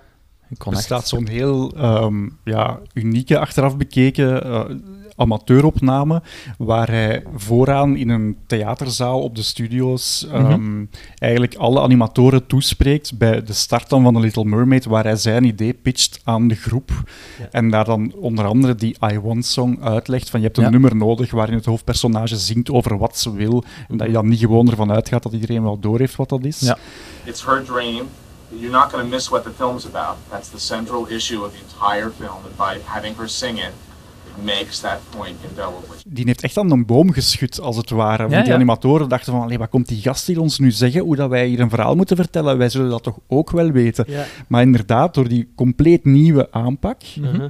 die vreemd genoeg dan toch wel heel erg in lijn lag bij alles wat die oude klassieke films deden, Ja. is heel die renaissance aan ontstaan. Oh, sorry. En intussen krijgt Hans telefoon. Hallo? Nee. Hallo, eh, Disney-chef? Nieuwe muziek? Ja, geen probleem. If only. If only, inderdaad. Hey, man. Ja. Dat is mijn I Want song. Ah, kijk, voilà. I want to score Disney-films. ja, want nu is dat... Allee, wat dat Howard Ashman en Alan Menken deden, is nu weer als klassiek en een beetje opbollig in, in veel ogen, maar, maar toen was het echt een revolutie opnieuw. Hè? En het was dus inderdaad die Ashman die onder andere bedacht heeft van laten we die ehm, objecten in het kasteel, laten we daar personages van maken. En door de objecten eigenlijk te stileren naar het personage dat ze pas aan het einde van de film, en je ziet die dan maar een paar seconden, maar dat je die wel dat heel de film lang het karakter geniaal, geeft van, Ja. van de menselijke ja. Dat persoon. vond, ik, dat vond ik echt geniaal. eh. Dat is ook ja, Inderdaad, zo- dat dat erop trekt. En van zo, die dingen van als trekken, klein dat is kind zo van, goed. dat Ja, kan. Ik kan me dat herinneren, dat ik dat... Altijd dat einde... Allee, sowieso, het einde is super eh, magisch, maar Uh-huh. ik weet dat ik dat onbewust wel iets had van, oh, dat is toch zalig dat die... Want, ik, eh, want vroeger, ik tekende ook heel veel. Ik was ook echt een teken... Allee, een kind dat constant tekende en zo... eh, zo wat anima alleen niet animatie, maar zo tekenfilmachtig of, of cartoonachtige ding. Dus dat, dat was ook iets dat mij super boeide. En ik, ik- ja, gelijk dat ik zeg, ik vond dat super Mhm. zot dat die trekken terugkwamen van die lumière. Zo, oh, zalig. Ja, en ook, ja, je geeft een theepot een lichaam en dat is nog altijd hetzelfde. en, toen, en terwijl dat ze zo een, een tijd heeft en zo. Ja, Ja, echt fantastisch. Het is ook verrassend als je dan nu, of als je toen, ja, maakt niet uit, foto's bekijkt van die stemacteurs, dat die ook wel echt Ja. fysiek lijken op die Ja, ja, personages. ja, Jerry Ja. Orbach kan Lumière spelen. eh, ehm, David Ogden Stiers kan Cogsworth spelen. Eh eh wat is Cogsworth zijn naam in het Nederlands nu weer? Pandule. Ja. Ja. en Angela Lansbury natuurlijk. Angela Lansbury. Ja. Ja, dat is ongelooflijk hoe hard dat zij eigenlijk... Het is, dat is gek dat je dat kan zeggen over een persoon, maar hoe hard dat zij lijkt op een. Een legende. En, legende. vind ik ook wel heel grappig, Chip is eigenlijk een geniaal personage. Ehm, in het Nederlands, ehm, we dachten trouwens eerst dat we gehoord hadden dat het ehm Basje was, maar het is Barstje. Barstje. Ja. Ah, maar het wordt op zijn Nederlands Ah, ja, echt ja. wel zo snel uitgesproken Ja, dat je Basje. Basje hoort. Maar het is Ah ja, ik Basje. inderdaad. Basje. Ja. Ja. Oké, ik heb iets nieuws bijgeleerd. Super. De helft van, van België denkt dat Ja. het spandoek heet. Basje. Basje. Die ging eigenlijk maar één zin tekst hebben in heel Ja. de film. Dat was Prepare to Die. Ergens aan het einde, wanneer zo al die figuren tegen, de, tegen de dorpelingen beginnen te strijden. Maar toen, toen dat kindje dat die stem ging doen binnenkwam en dat deed, waren ze zo gecharmeerd Ja. dat ze dachten, misschien moeten we daar gewoon een volwaardig personage van maken. En dat is dan ten koste gegaan van een ander comic relief element. Dat was een... een Musicbox? eh, ja, Ja. inderdaad, een musicbox. Ja. Die nog heel kort te zien is. Ergens net voor die bewuste scène waar ze gaan strijden tegen de Ja, dorpelingen. ja, als ze het eh, stil, allee, als ze er stil houden en doen alsof dat ze ja, gewoon je de musicbox naast Ja. Lumière staan. Ja. Wat ik, dus die- er is één ding dat ik altijd raar gevonden heb aan Beauty and the Beast. En er is een moment dat, eh, dat hij moet gaan slapen. En dat hij in de kast moet bij zijn broertjes en zusjes. Ja. Hoe zit dat met die broertjes en zusjes? Inderdaad, Hoe zit inderdaad. Inderdaad, dat hebben wij ons van de dat week ook weten. afgevraagd. Ja. Want waarom is net hij dan de zoon of, of het kleinkind? Want dat is ook niet duidelijk van die Miss Spots. Ja. En vooral ook die andere kopjes komen Ja. niet tot leven op einde. Komen die tot leven? Heeft zij zoveel kinderen? Wat is er aan de hand? Ja, alleen is, dat, is dat een weeshuis? Eh, allee, wat is dat? We gaan het nooit weten. Ja, het zal wel geen weeshuis zijn, want dat, dat beest liet zelfs geen oud vrouwtje overnachten. Nee. Goeie vragen. Dat is mijn enigste plathol. Ja, pas op, er zijn er nog. Eh, de meest bekende plothole is dat ehm, de vloek zou verheven worden op zijn 21ste verjaardag. Mhm. Dan zou het laatste blaadje vallen. Mhm. En op een bepaald moment zingt Lumière dat ze al tien jaar zo Ah, ja, ja. zijn. Ten years we've been rusting. Dus dan zou je kunnen denken dat die, Ja, dat die elf gast jaar 11 was. jaar was. Wordt dat ook in de film gezegd? Dat is 21? Waarschijnlijk wel, hè? Als, als je Dat wordt in de film gezegd, ja. Ja. Maar dat wordt in de nieuwe versie zijn die verwijzingen er volledig uitgehaald. Jij denkt dat het Dat niet is een- waar een- is? nee, nee, dat is een probleem bij Disney-films waar ik altijd zo wat probeer van over te kijken. Omdat als je... Ik vind dat heel veel Disney-films, als je naar de leeftijd begint te kijken, dat er vaak wel problematische dingen opduiken. Dat Ja. personages veel te jong zijn voor elkaar, eh, veel te jong om, om met elkaar te trouwen, of, of, of, of, of een te groot leeftijdsverschil of zo. Er zitten echt vaak problematische dingen in. Ja. Dat is het enige dat ik negeer bij Disney-films. In Ja. dit geval zou Bel, volgens een van de makers, zou Bel 20 jaar geweest zijn. Dus dat Ja. is nog redelijk oké. Dat is nog redelijk, ja. Dat is Ja, het niet is de de... bedoeling dat ze dezelfde leeftijd zal zijn. Hè. Ja, Ongeveer. dus dan zou het beest wel 21 kunnen zijn. Hij zou wel 21 kunnen zijn. Maar hij zou Maar wel dus dan- eh, heel jong geweest zijn om dat oud vrouwtje aan de deur te wijzen. Ja. Ja, voilà, inderdaad. Dus ook, eh, Hanne heeft daar ook over gemaild in haar eh, drie pagina tellende mail. Wauw. Ehm, dit wil zeggen dat hij op zijn elf jaar een vreemde de deur wees toen hij, Mhm. schijn- toen hij schijnbaar alleen thuis was in het kasteel. Mhm. Waarop ze schrijft, mijn oudste wordt 11 dit jaar. Ik mag hopen dat ze een vreemde niet binnenlaat. wat een hardvochtige straf voor een kind dat braaf is, doet wat zijn ouders van hem verwachten. En waar waren die ouders eigenlijk? En waarom Ja. zijn die niet teruggekomen om te ontdekken dat hun zoontje een beest geworden is? Zoveel vragen. Zoveel vragen. Nu, ehm, er zijn intussen ook wel andere theorieën over ontstaan. Ehm, Dat is dat die 21 jaar zou gaan over vanaf het moment dat de vloek ingaat. Ah, ja, dus ja, ja. waarschijnlijk was hij geen 11 jaar, maar had hij een andere leeftijd. Was hij al een volwassen man, maar dan zitten we wel ook met een serieus leeftijdsverschil. Dan is hij wel heel oud. Ja, Allee, heel oud. en hij ziet er ook niet oud uit Nee. wanneer de vloek verbroken wordt. Maar goed, Nee. Chip ziet er ook niet oud uit wanneer de vloek gebroken wordt. En die zou dan eigenlijk moeten geboren zijn tijdens de vloek. Dat is waar. Of, of zou de vloek ervoor zorgen dat ze Dat als iedereen object dezelfde leeftijd blijven? Ja, dat kan eigenlijk wel. een soort van Elk doornroosje probleem, verhaal. elk probleem Ja. bij deze film draait rond Chip. Echt, elk probleem. Elk Ja. issue met de film. Verdorie, allemaal de schuld Dat zal misschien wel zijn. Barstje. Dat is een bar, barstje. Ja, bar, barstje. Ook, weet je waarom hij Chip of Barstje heet? Omdat hij, Omdat hij zo'n klein... Ja, ja, hij heeft een barstje als, als, als eh, theekopje, Als ja. maar Ah, zijn tand. als mens heeft hij Ah, dat, dat Ja. wist ik niet meer. Oké. heel grappig. Ja. Hoe dat zo al die kleine dingetjes dan zo terugkomen. Dat, Hopelijk dat gewoon een bijnaam. Dan zal het grof zijn. Ja. Van Angela Lansbury. Want ook zo, ehm Pendule en Lumière, Mhm. hoe dat die er dan als mens uitzien, dat is eigenlijk echt, mocht je gewoon vragen van, stel dit is een mens, Ja. hoe zou je die klok tekenen? Dan zou dat ook wel een, een gezette, gezellige man zijn. Ja, ja, maar, maar het zit hem in de details. In beide versies eigenlijk. Hè. Je kunt, als hij als klok is, kun je die pruik op zijn hoofd eigenlijk ook zien, in, in, de, in, in hoe dat hout gesneden is. Eh, en als hij mens is, heeft hij zo een, een klein eh, eh, klokje, mm, pocket watch, eh, Mhm. aan hem hangen. Ja, ja, ja, dus het komt allemaal wel terug. En, en zijn snorharen zijn ook echt gelijk, gelijk, gelijk wijzers nog. Ik vind dat wijze Dat is details, ja. En Lumière is echt een charmeur, hè, ook Ja. als mens. Ja. Dat is mijn favoriet personage van. Disney ooit. Dat is zalig. En die stem was ook zalig. eh. Die, allee, de Nederlandse stem kan je dat zo... Oh. Ja. Kom erbij. Oh. Dat is echt Dat is eh, ideaal. Arnold Gelderman, hè, Ja. de, de man die heel veel Disney-stemmen gedaan heeft, maar ook heel veel stemregies gedaan Ja, heeft. stemregies, Ah, ja, ja, ja, is een heel belangrijke man in die periode eigenlijk. Hè. Ja. Is eh, Scar, is, is zoveel, Ja, dat is ook is Scar. Zoveel pers- is zoveel persoon. Zalig. Echt een heel goede voice actor. Ja, vond Hanne dan wel als het over het einde van die film gaat. Het enige minpuntje is als het beest terug mens wordt. Wat een lelijke man vindt zij. Goed dat we die niet de hele film hebben moeten zien. Leugens. Leugens? Ik vind ja? dat leugens. Maar zijn reveal is afschuwelijke belichting. Als hij hem je- net omdraait, is er zo een Ah. rare spot in zijn gezicht. Van magie, magische spot.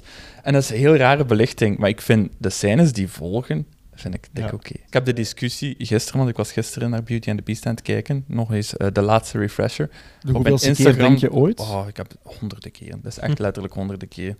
Maar eh, op, op de Instagram-story heb ik dat moment gedeeld. En ik heb zeker tien mensen gehad die zeiden van een lelijke kaart. En ik, ik moest op mij. Ik moest echt. Ik heb er nooit zo Dus naar ik ben niet gekeken, akkoord, laat het duidelijk zijn. Maar ik vond wel van alle personages, maar dat is waarschijnlijk ook de bedoeling, was Ja. wel de, leek de prins het minst op, Ja. op het beest. Maar ik denk dat dat ook logisch zijn is. want hij herkenningspunt moet- was, waren zijn ogen. Hè? Ja, Ja, daarover kan ik zo meteen nog Ja. iets vertellen, maar ik wil er iets nog tussen smijten. Mijn vriendin... Ja, Hanna eh, zit er nog bij. Nee, nee, nee. Mijn, mijn lief, Ah. eh, Jasmin, die ehm, ja, kunsthistoricus is eigenlijk. Eh, niet van beroep, maar wel van opleiding. Mhm. Eh, haar deed het portret van eh, de prins in het begin, waar, waar het beest Ja. met zijn klauwen overgaat, maar dan ook de reveal op het einde, eh, deed haar heel erg denken aan het zelfportret van Gustave Courbet, een Franse schilder uit de ga ik eens 19e eeuw. opzoeken. En ik heb de foto hierbij, Ah ja, dat kan. maar het is wel frappant. Dus het zijn diezelfde starende ogen, een Ja. beetje eh, langer nonchalant haar. De. Het, op het schilderij heeft hij een snorretje en een baardje, dat is weg. Ja. Maar het hemd inderdaad ook, zo het hemd dat zo wat net een knopje te veel open heeft. zo, ja, ook die sprekende ogen. Hè, want Ja, in dat schilderij en in dat portret is dat ook een key feature. En dan zei je inderdaad van die ogen, eh, Ja. Glenn Keane, dus de supervising animator van The Beasts, die ehm, heeft het beest eigenlijk gemoduleerd naar een heel aantal kenmerken van bestaande dieren. Dus Ja. het zijn de manen van een leeuw, Mhm. Ehm, de slagtanden en de hoofdstructuur van een buffalo. Hm. De eh, neus van een wild zwijn. Ja. Het voorhoofd van een gorilla. De benen en de staart van een wolf. Mhm. Ehm, ja, eigenlijk het, het grote lijf van een beer. En dan het enige wat eigenlijk, de enige herkenning die er dan is met hoe hij als mens is, zijn de blauwe ogen. Ja. Ja. Dus dat is het enige personage dat pech heeft tijdens de transformatie. Hij heeft zoveel mogelijk ja, de gestalte ook zo'n beetje proberen te houden. En als je kijkt naar de neus van de menselijke versie, het is een redelijk grote neus, hè, maar heeft zijn best gedaan. Ja. Weet een je trouwens... Want, want ja, Jeroen, ja, je, je, je weet er duidelijk heel erg veel van. Weet je wat de echte naam is van de prins? Nee, kijk, voilà. Iets dat ik niet weet. Prins Adam. En het wordt niet gezegd in de film, maar wel op de eh, CD-ROM die achteraf uitgekomen is. En dat was nog een, ja, Ja. voor, voor wie nu luistert en geen Je holio moet, u, idee moet, heeft van je wat moet CD-ROM. lore gaan Ja. zoeken ver. Ja, Ja, zoek dat maar even op het internet, maar dat was echt een ding in de jaren 90. En ook in de Broadway musical heeft hij de naam gekregen Prince Ah, Adam. Ik heb helaas, ik weet niet of dat die op de soundtrack valt, die naam. Ik heb de, helaas de Broadway-versie nooit gezien in zijn eh, volledige vorm. Maar er komt normaal gezien een revival binnenkort. Dus eh, eens dat we terug mogen reizen, jepla, ik ben weg. dan ga je kijken. En Ja. waar dan? In Londen of in New York? Oh, New York zou het leuk zijn natuurlijk, maar ik denk dat de revival naar Londen komt. Ik weet niet of dat in New York is ook. De, het, het stemgeluid van het beest is ook heel erg bijzonder. Ehm, wat mijn vriend Jelle van de week zei, toen de eerste keer wanneer het beest eigenlijk hoort spreken Mhm. tegen Bel, eh, wanneer dat ze elkaar zien in de, eigenlijk aan die kerker, wanneer dan een heel lage stem zegt, ik ben de heer van dit kasteel. Het klinkt een beetje als zo die Parship-reclame. Ik ben de heer van dit kasteel. Ben je op zoek naar een eh, serieuze relatie?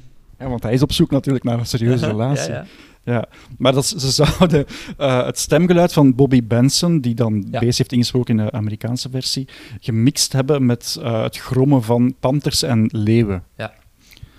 Het enige moment waar dat niet gebeurt, is tijdens Something There. Ja. Als hij zingt. Ja. Als hij zingt. Ah, ja. Omdat we hem ook niet zien zingen in beeld. Mhm. Dus Want in de remake nu, Ja. in de eh, live-action remake, daar zingt hij wel in beeld. Mhm. En daar hebben ze dus ook de stem moeten aanpassen, omdat het anders niet zou kloppen. Mhm. Dat misschien in zijn hoofd is in de tekenfilm, bedoelt je. Ja. Omdat we hem niet zien zingen, dat hij het denkt. En dat hij nog de stem heeft als zijnde Als ja, een prins. de mens. Ja. De innerlijke stem is altijd anders ook. Hè. Moet ik even checken waar we het nu over kunnen hebben. De muziek. De muziek. Ja, de muziek. De helft van de film is de muziek. De helft van de film is de muziek. Maar de helft van de film is de muziek, ja. Het is ongeveer waar. eh 25 minuten van de film Mhm. ehm, zijn liedjes. Ja. En er zijn maar vijf minuten in de film waar geen muziek te horen is. Amai, Ja. ja. kijk. Ik heb dat niet zelf opgezocht, dat staat zo ergens op het internet. Maar Ja. ik geloof het wel. Ja, ja, muziek is gewoon... eh, zeker omdat het een soort music, allee, een, een musical is, is het superbelangrijk. hè. Mhm. Maar, eh, maar niet enkel de songs, maar de, de instrumentale achtergrondmuziek is ook zo fantastisch goed en allee, heft het verhaal zo hoog dat het eh, allee, dat mij niet verwondert dat, dat er zoveel muziek in zit. Ik vind dat Alan Menken een beetje te weinig herkenning krijgt, puur als componist ook. Want Ja. ik vind zijn scores echt fantastisch. Dat Ja, dat is echt waar. iconisch. Ik, ja, ik ben, eh, ik ben de eerste om te zeggen, eh, Alan Menken is echt mijn, mijn grote held Ja. al sinds lang. Sinds Mhm. dat ik die liedjes als kind zong en, en, en speelde. ja, Alan Menken is echt geniaal. En inderdaad ook voor zijn underscores Ja. in Beauty and the Beast, in Aladdin. Mhm. Het, zijn, het zijn veel van die underscores dat ik ook samen met de liedjes kan meezingen. Ja. Dat ik de, de, de tegenmelodieën of de melodieën erin, omdat ik het al zoveel heb gehoord en, en geanalyseerd. Bijvoorbeeld die transformation, die muziek op het einde is, is oh, zo fantastisch. En die, en die thema's die dan terugkomen Ja. ook. En, ja, echt fantastisch. Hoe dat beeld en geluid daar met elkaar spelen, Ja, dat echt fantastisch. Ja, ja, dat is mijn favoriete scène uit de film, al, alleszins. Ja? Je favoriete scène?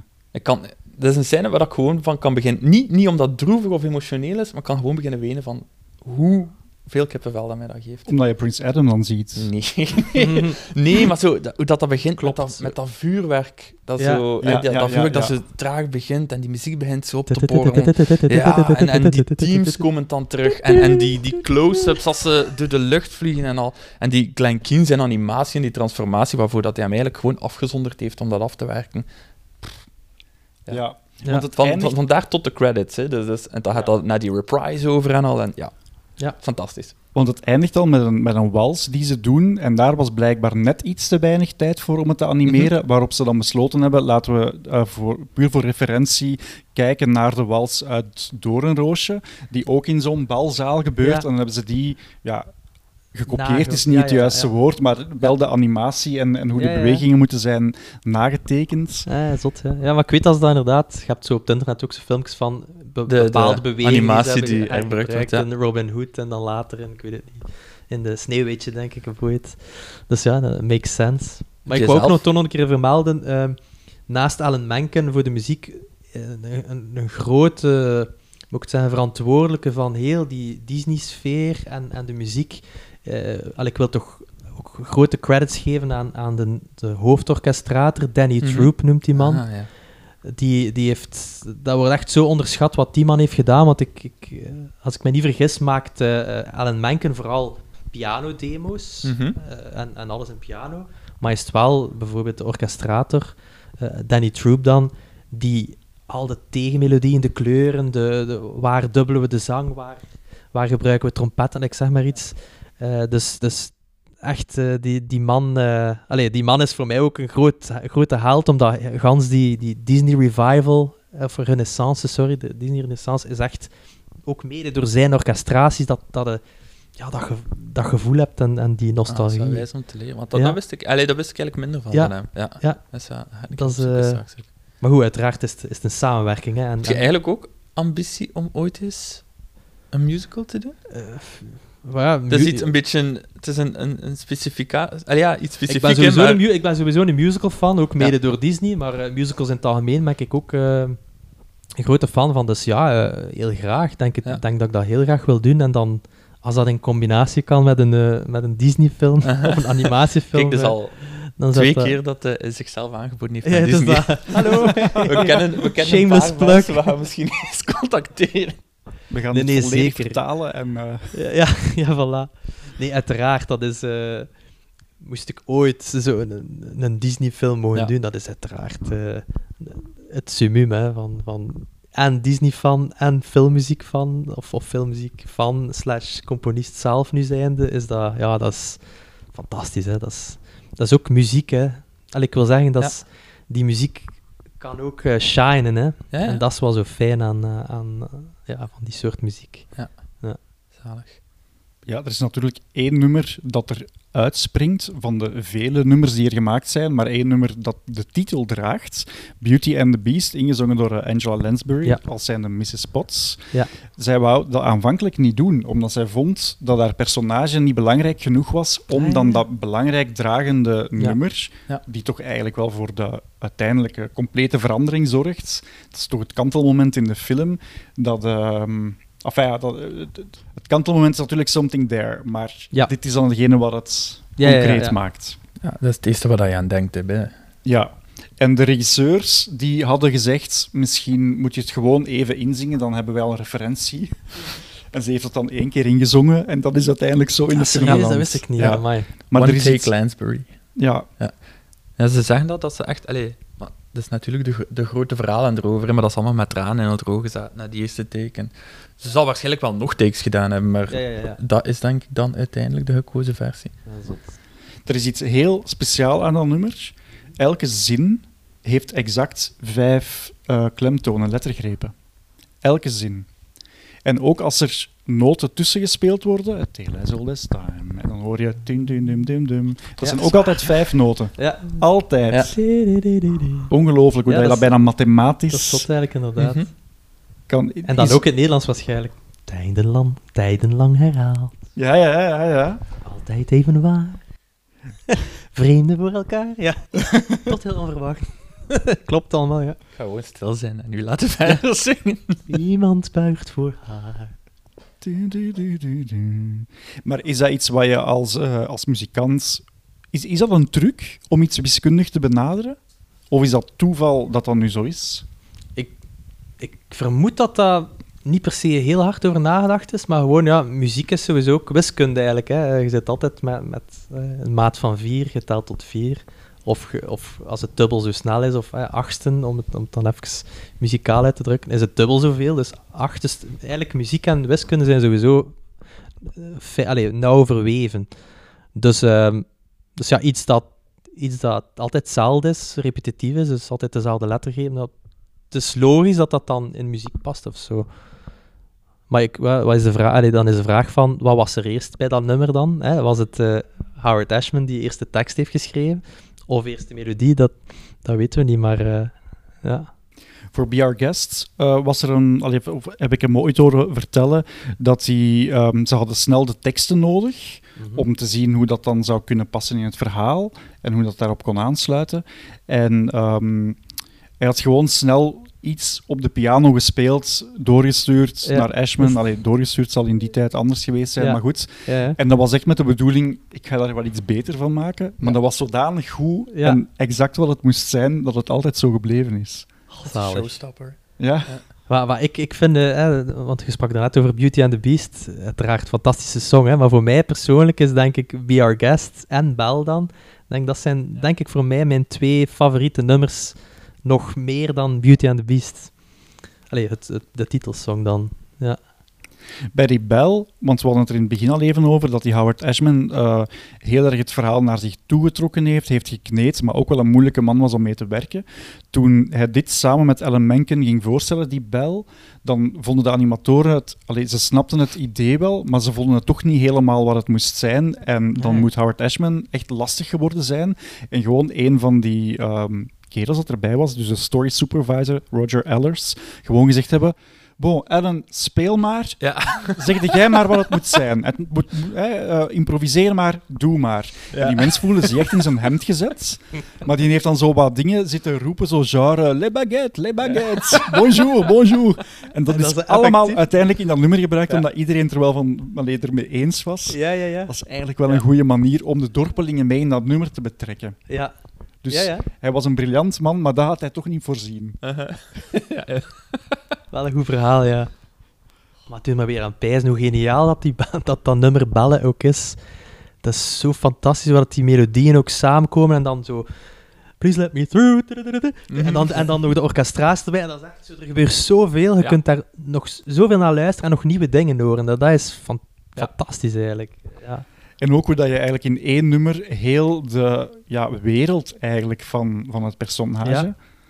leert kennen. Namelijk de, is- de tocht door het dorp, langs de boekhandel, dan aan het Ja. fonteintje, terug in het huis. Ja. En dan uiteindelijk het grote Sound of Music moment, waar Ja. ze dan eh, tussen de paardenbloemen Ja, staat ja, ja, te ja. zingen en rond te draaien. Ja, haar wereld is ook maar dat, hè. Ja. En dat is exact hetgene waar ze over zingt. Ja, ja, ja, dat is... Ja, ja geniaal, hè, we hebben het al gezegd, maar... Ja, het volgende nummer, Gaston, heeft eh, Howard Ashman zich ook heel erg ehm, in laten gaan. Hij had zoveel strofes geschreven dat ze niet allemaal in de film zijn geraakt. In de remake wel. Daar hebben ze het volledige nummer verfilmd, maar dus in de originele tekenfilm niet. En heel grappig, ik heb lang gedacht dat de versie die op de soundtrack CD stond, die ik als kind gekocht heb, Mhm. dat dat ook echt de, de versie was uit de film. Maar dat is al een langere versie dan gebruikt is. Op, op, op het einde, zegt Le Fou, begint hij ehm, de naam Gaston te spellen. Ja. Ja. En weet hij halfweg niet meer welke letters. ja, ja. Ah ja, natuurlijk, want wie leest er nu? Dat is toch belachelijk? Mhm. Ja, Ja. Wat dus aangeeft dat ze allemaal analfabeten zijn. En hij kan Gaston niet spellen. Dat zit niet in de film. Ja, dat wist ik niet. Waar dat is de dus musical, bijvoorbeeld? Ja. Ja. In de musical zit dat er dan wel, nog, wel weer in. En staat dus ook gewoon op de soundtrack. Dat is toch gek Ja. dat men daar dan een andere versie op gezet heeft. Ja. Ja. Weet jij hoe dat zit, Jeroen, als kenner van uitgaves van soundtracks? Nee. Nee. nee, ja, ik denk dat dat gewoon de originele versie is en daar een beetje uit ge... Soms eh, zijn het licht andere versies op de soundtrack, eh, omdat het een beter geheel vormt. Eh, ik vind dat zo'n beetje de director's cuts van de liedjes soms. Ah ja, ja, zo. Ja, het is dat- of misschien dat, hè, dat, dat, dat dat altijd zo lang is geweest, maar dan uiteindelijk dat er bepaalde scènes of Ja. deeltjes van tussenuit geknipt zijn voor de, voor de flow wat te Mhm. verbeteren of zo. Maar dat Ja. het nummer wel op zich bestond. Dat was al misschien ook wel ja, kijk, was, Ja, al uit voilà, ja. het was uit de film geknipt, maar het stond al op CD. Want het was toen nog... Allee, toen... Nee, het was toen in Europa CD's, maar jij hebt hem, Jeroen, op LP. Ik heb op LP, ja. Ja, De hoe komt dat? Eh, ik heb hem uit Zuid-Korea en dat is een, een, ja, een, mini-generatie eh, die nog voornamelijk, waar dat vinyl nog de hoofddrager was. Voor een paar jaar, dus, dus tot midden jaren 90, eind jaren 80, midden jaren 90. En daar kan je dus de, de originele soundtracks van Beauty and the Beast, Little Mermaid, Aladdin, Lion King, die, kan je daar gewoon op, die kon je daar gewoon op vinyl kopen. Dus nu een beetje zoeken en, en een beetje meer betalen, maar Ja, dat lijkt mij heel erg duur. ach, dat, als je goed zoekt, dan Als valt dat goed mee. Ja. Maar dus ja, die zagen er, die, die, die hoesontwerpen waren toen ook... Dat is echt iets radicaal anders dan Mhm. wat het nu zou zijn. Dat ziet er ontzettend mooi uit. Het ziet er ontzettend mooi uit. Dat- ja, en het, het past gewoon bij de tijd ook. Eh, ik vind dat heel belangrijk als ik zo een vinyl koop van een soundtrack, dat het met de tijdsgeest klopt. Want nu zitten we in een wereld van re-releases en, en alternatieve covers en zo. Maar ik verkies uiteindelijk nog altijd de versie die past bij de film toen hij uitkwam. Hm. De sensibilities van toen. Ja. Ik vind dat heel belangrijk eigenlijk. Want Beauty and the Beast is recent dan wel op vinyl uitgekomen bij Mhm. ons, met heel de vinyl revival. Ja. Maar daar staan alleen de liedjes Alleen op. de liedjes. De, go- ik noem Ja. dat de brol vinyls. Ah, ja. Dis- Disney is, is heel goed in zo goedkope vinyls uitbrengen. Ja. Eh, soms doen ze af en toe een specialeken eh, van, van, van een, een zo wat prestigieuzere film.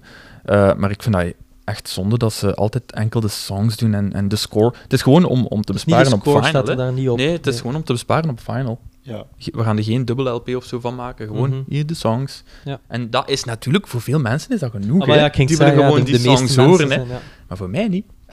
voor mij niet. Want ja, je hebt dan enerzijds inderdaad de songs from, zoals in Beauty and the Beast, en dat bestaat van heel veel films intussen. Maar aan, aan de andere kant heb je vaak ook dan zo, dat vind ik ook verschrikkelijk, de picture discs. Ja, picture disc. Dat de vinyl, dat Ah, ja, daar, dat daar een tekening op staat. Ah, ja, en dat, klinkt En dat ook zit al dan niet zo, zo goed. Nee, dat klinkt niet zo goed. En dat zit in zo'n lelijke uitgesneden kartonnoes die super fragiel is. Ja, ja, ja. ja. En je ziet daar het stof niet op liggen. Ja, En, nee. ja. ja. Ook geen fan. Daar ben ik echt Nee. geen fan van. Nee. Nee. Ik Nee. vind het al moeilijk, ik, want ik weet dat dat heel veel wordt gedaan. En dat is wel mooi, dat ze splatterdiscs en zo in alternatieve kleur, maar je ziet dat, dat stof daar dus niet op liggen. Hè. Ja. Dus het is al moeilijker om je plaat mooi te maken. Eh, je moet het echt gewoon op goed gevoel doen. Ik leef wel in hoop dat Beauty and the Beast eind dit jaar in de originele versie Ja. een re-release krijgt. Want in 2019 hebben ze dat gedaan met de soundtrack van The Little Mermaid. Mhm. Disney Emporium is zo het, eh, m- een van de muzieklabels van Disney. Hebben dat toen opnieuw uitgebracht. Mhm. Met niet exact dezelfde visuals, heb je mij ooit gezegd, Jeroen. Ja, maar wel, in de, wel in de stijl Het is van in de toen. stijl van vroeger met een iets andere cover. Ja, maar wel met een tekening die duidelijk ook toen Die duidelijk ook van, van de tijd was. Ja. Ik vind dat wel belangrijk. Ja. Ja, tuurlijk, tuurlijk. En ik, ik leef dus in hoop, want die heb ik, dat ik eh, mijn Ik collectie ze, eind ja, dit jaar... Een, een, zo van al de prestigieuzere films gewoon betere versies gaan uitbrengen. Ja. Waar dat je echt van zegt, wauw, dat staat mooi in mijn kast en Mhm. dat koester ik. En, en ik vind dit, die plaat met die songs op, ja, wat ben je daarmee? Maar ja, en je zou toch ook kunnen denken, uiteindelijk, er is wel een publiek voor wereldwijd. Hè. Waarom zou zo'n bedrijf dan niet gewoon even tegemoet kunnen komen aan... Het is waarschijnlijk niet dezelfde vraag als... ja, maar dat is ook een beetje maar- realiseren. Hè. Het is een ander tijdperk van vinyl. Het is niet het tijdperk van vroeger. Voor een groot deel zijn dat hebben dingetjes. Hè. Mhm.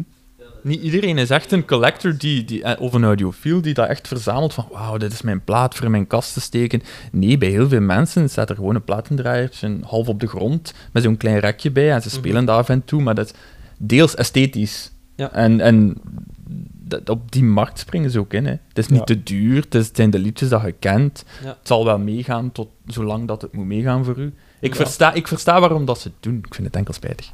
Maar ja, Ja. het, eh, ze, ze, ze- ze zullen altijd bezig zijn ook met eh, wat is de, de winstmarge Ja. en, en hoeveel kunnen we daarvan verkopen en wat is de Ja. kostprijs van iets. Allee, dus, het, is een, het is een blijvende Maar bedrijf je, je natuurlijk, ziet hoe groot dat ze dat het is. onderscheid maken. Zo gelijk bij de Star Wars soundtracks. Die Ja. brengen ze wel mooi uit ja, een ja, mooie dat is hoes. Want ja, dit is John Williams. En dat is, Ja. dat ze weten dat dat tussen een collectie komt Mhm. bij veel mensen. Ja. Maar ja, dus ja. Maar ik vond het nu- Beetje liefde. Beauty and the Beast heeft ook wel eh, redelijk wat potentieel Ja, ja. en geïnteresseerd. Ja, ja. Ja, inderdaad, maar ik vind gewoon... Allee, Robin, jij bent ook echt zo'n een, een Disney collector. Je zit in de, de, de officiële fanclub en zo, toch? Hè? En Ja, de- ja, ja, ja, ja, ja. Daar is toch op die beurs en zo... Dat, dat is toch gewoon... Ze kunnen zelf gewoon voor die mensen alleen dat maken. En dat zou uitverkocht zijn. Hm. Dus...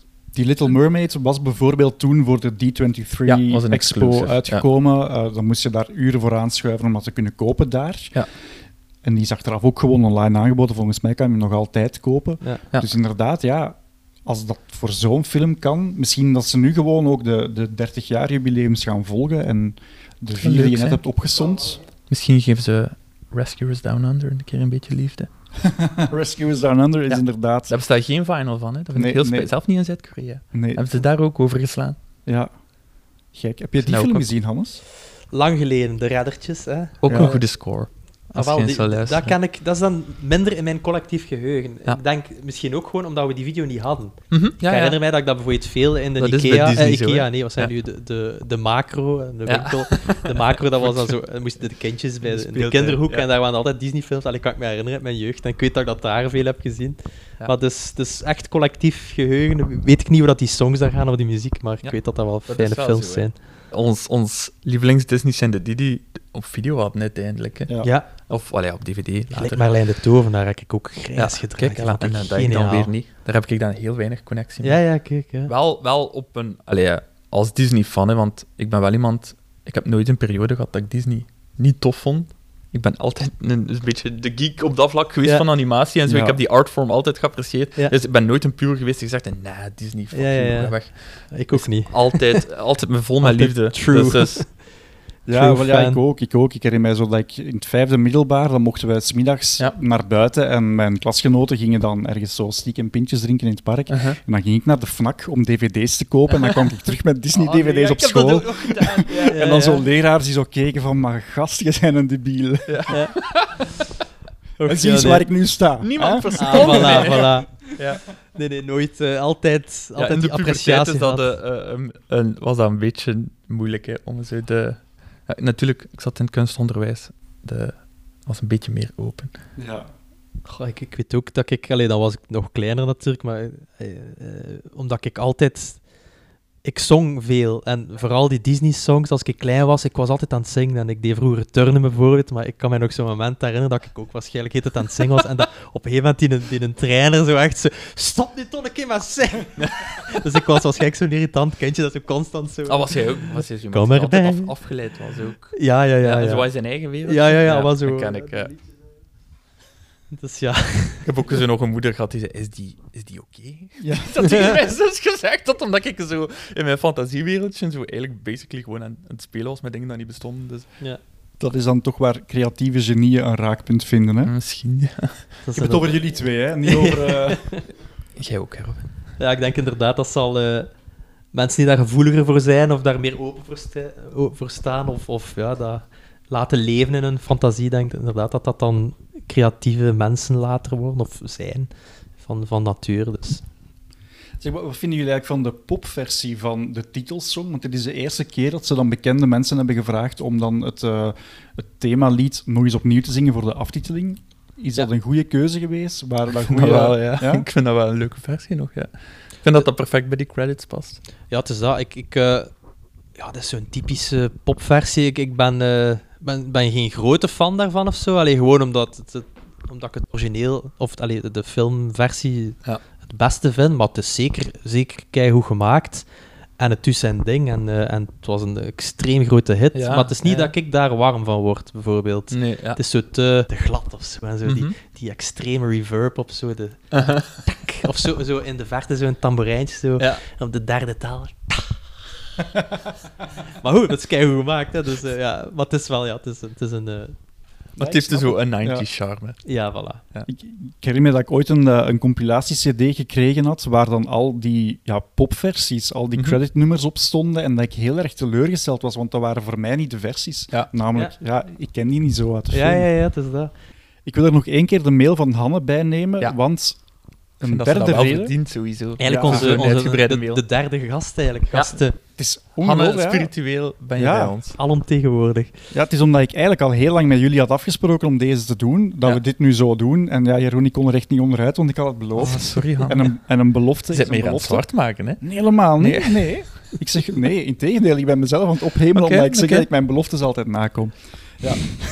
dus ze herkende zichzelf in Belle omdat ze ehm, bruin haar had en, en niet echt een prinses-prinses was, omdat ze hield van lezen en omdat ze niet hield van jongens, en daar schrijft ze over, toch niet van het type waarvan alle andere meisjes zot waren. Toen ik acht jaar was, hield ik ook niet van jongens.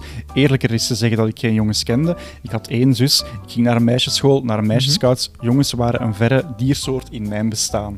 maar inderdaad, ze heeft wel ergens gelijk. Die, die Belle, she couldn't care less. Hè. Die Gaston heeft meermaals zijn, eh, zijn charmes in de strijd geworpen. Ja, ja. Of anti-charmes. Eh, Het is maar wie het bekijkt. Ze heeft daar op geen enkel moment laten doen ook, hè? Nee. Geen enkel moment, hè? En inderdaad, de rest van Torp, allee, de meisjes van Torp zijn daar zot van. eh, ah, die vallen in zwijm voor een, een typische Ja, schoonheid. Allee, Ze schoonheid valt een- ook op in contrast. Ze, ze is de enige independent woman in, in dat wereldje eigenlijk. In dat hele dorp, ja, die dan eigenlijk gevisualiseerd worden door die drie meisjes die er exact hetzelfde uitzien, alleen een Ja, andere Barbies. kleur jurk aan Ja, hebben. de. Barbies. Ja. Dat is verschrikkelijk, hè? Ik hoop ook, want wij zijn als jonge jongens met die film opgegroeid, dat wij daar niet te veel van geleerd hebben hoe dat je het moet aanpakken. Hè? Als wij allemaal zo kleine Gastons Ah, zijn nee, geworden... maar geassocieerd je vinden- toch sowieso met Bel? Ah, ik had dat toch. Dat is een goede vraag. Als je iets over, over hoe je het moet aanpakken in de liefde geleerd hebt van deze film, dan hoop ik dat het dan toch inderdaad komt van Bel Mhm. en niet van Gaston. Ja, het zal niet van Gaston zijn. Allee, ik heb er nog nooit zo over nagedacht, maar ik denk onbewust zal er wel iets zijn van ja, de Gaston. Misschien moeten we niet zijn manieren volgen of zijn, eh, zijn levenswijsheid. En wat er ook nog heel vaak gezegd wordt, is dat eh, die film eigenlijk afdruipt van het eh Stockholm-syndroom en dat Bel eigenlijk altijd ondergeschikt is aan het beest. Zijn jullie Mhm. het daarmee eens? Ja, dat ze zichzelf onderwerpt eigenlijk aan hem. Hmm. Nooit zo ervaren, denk ik. Ik heb dat ook nooit zo ervaren. Ik wil, ik wil eigenlijk... Waar, eh, waar komt dat terug dan eigenlijk? Want ze verzet daar eigenlijk lang ook, hè? Voilà, ja. Dat is ook hetgene wat Hanne hier schrijft, want er zijn Dat is, dat is een van de vele dingen die je dan zo terugvindt, hè, zoals Stockholm-syndroom, en ze heeft niet meer door dat ze gevangen wordt gezet, Mhm. en, en ze wordt verliefd op haar eh, Maar ik vind, het is ook afhankelijk van hoe dat je tussen de regels leest, denk ik. Ja. Want je, je, je beeldt je ergens in voor jezelf wat, wat het langer verblijf van Bel is. Mhm. En in mijn visie is die daar heel zelfstandig, ziet die beest zelf niet elke dag. Eh, zit die eigenlijk voornamelijk in de bibliotheek boeken te lezen? Op haar eentje? Eh, ja, ik weet het niet. Van het moment dat ze hem gekregen heeft, hè, dan, dan Ja. is het beest al onttooid. Ja. Heel de tijd ervoor.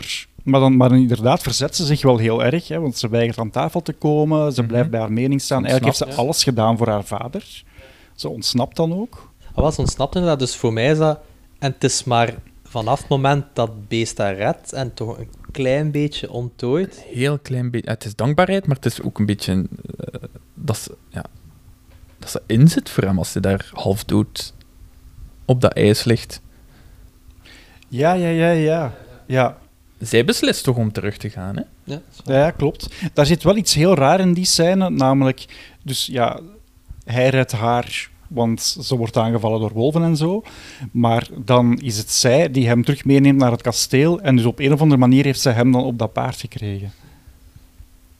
Niet over nadenken. Die moet berensterk Je hebt geweest meerdere zijn. keer gezegd dat een sterke vrouw is, Bel, dus... Op alle En- vlakken.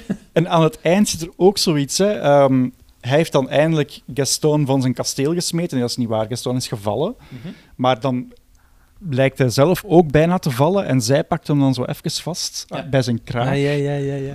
En dat logge ding trekt ze gewoon ah, met haar vrouwelijke krachten. Dat kan ik niet verklaren. In bos kunnen misschien op. denken van ze is, ze is een belezen vrouw, dus ze heeft misschien zo een, eh, een hefboom gemaakt met takken. Eh, geen idee. Vanaf nu is Bel een sterke vrouw, letterlijk en figuurlijk. Voilà. Voilà. Zou het kunnen dat het ermee te maken heeft dat de hoofdschrijvers voor deze film dat dat twee vrouwen waren? Linda Wolverton en Hmm. Brenda Chapman.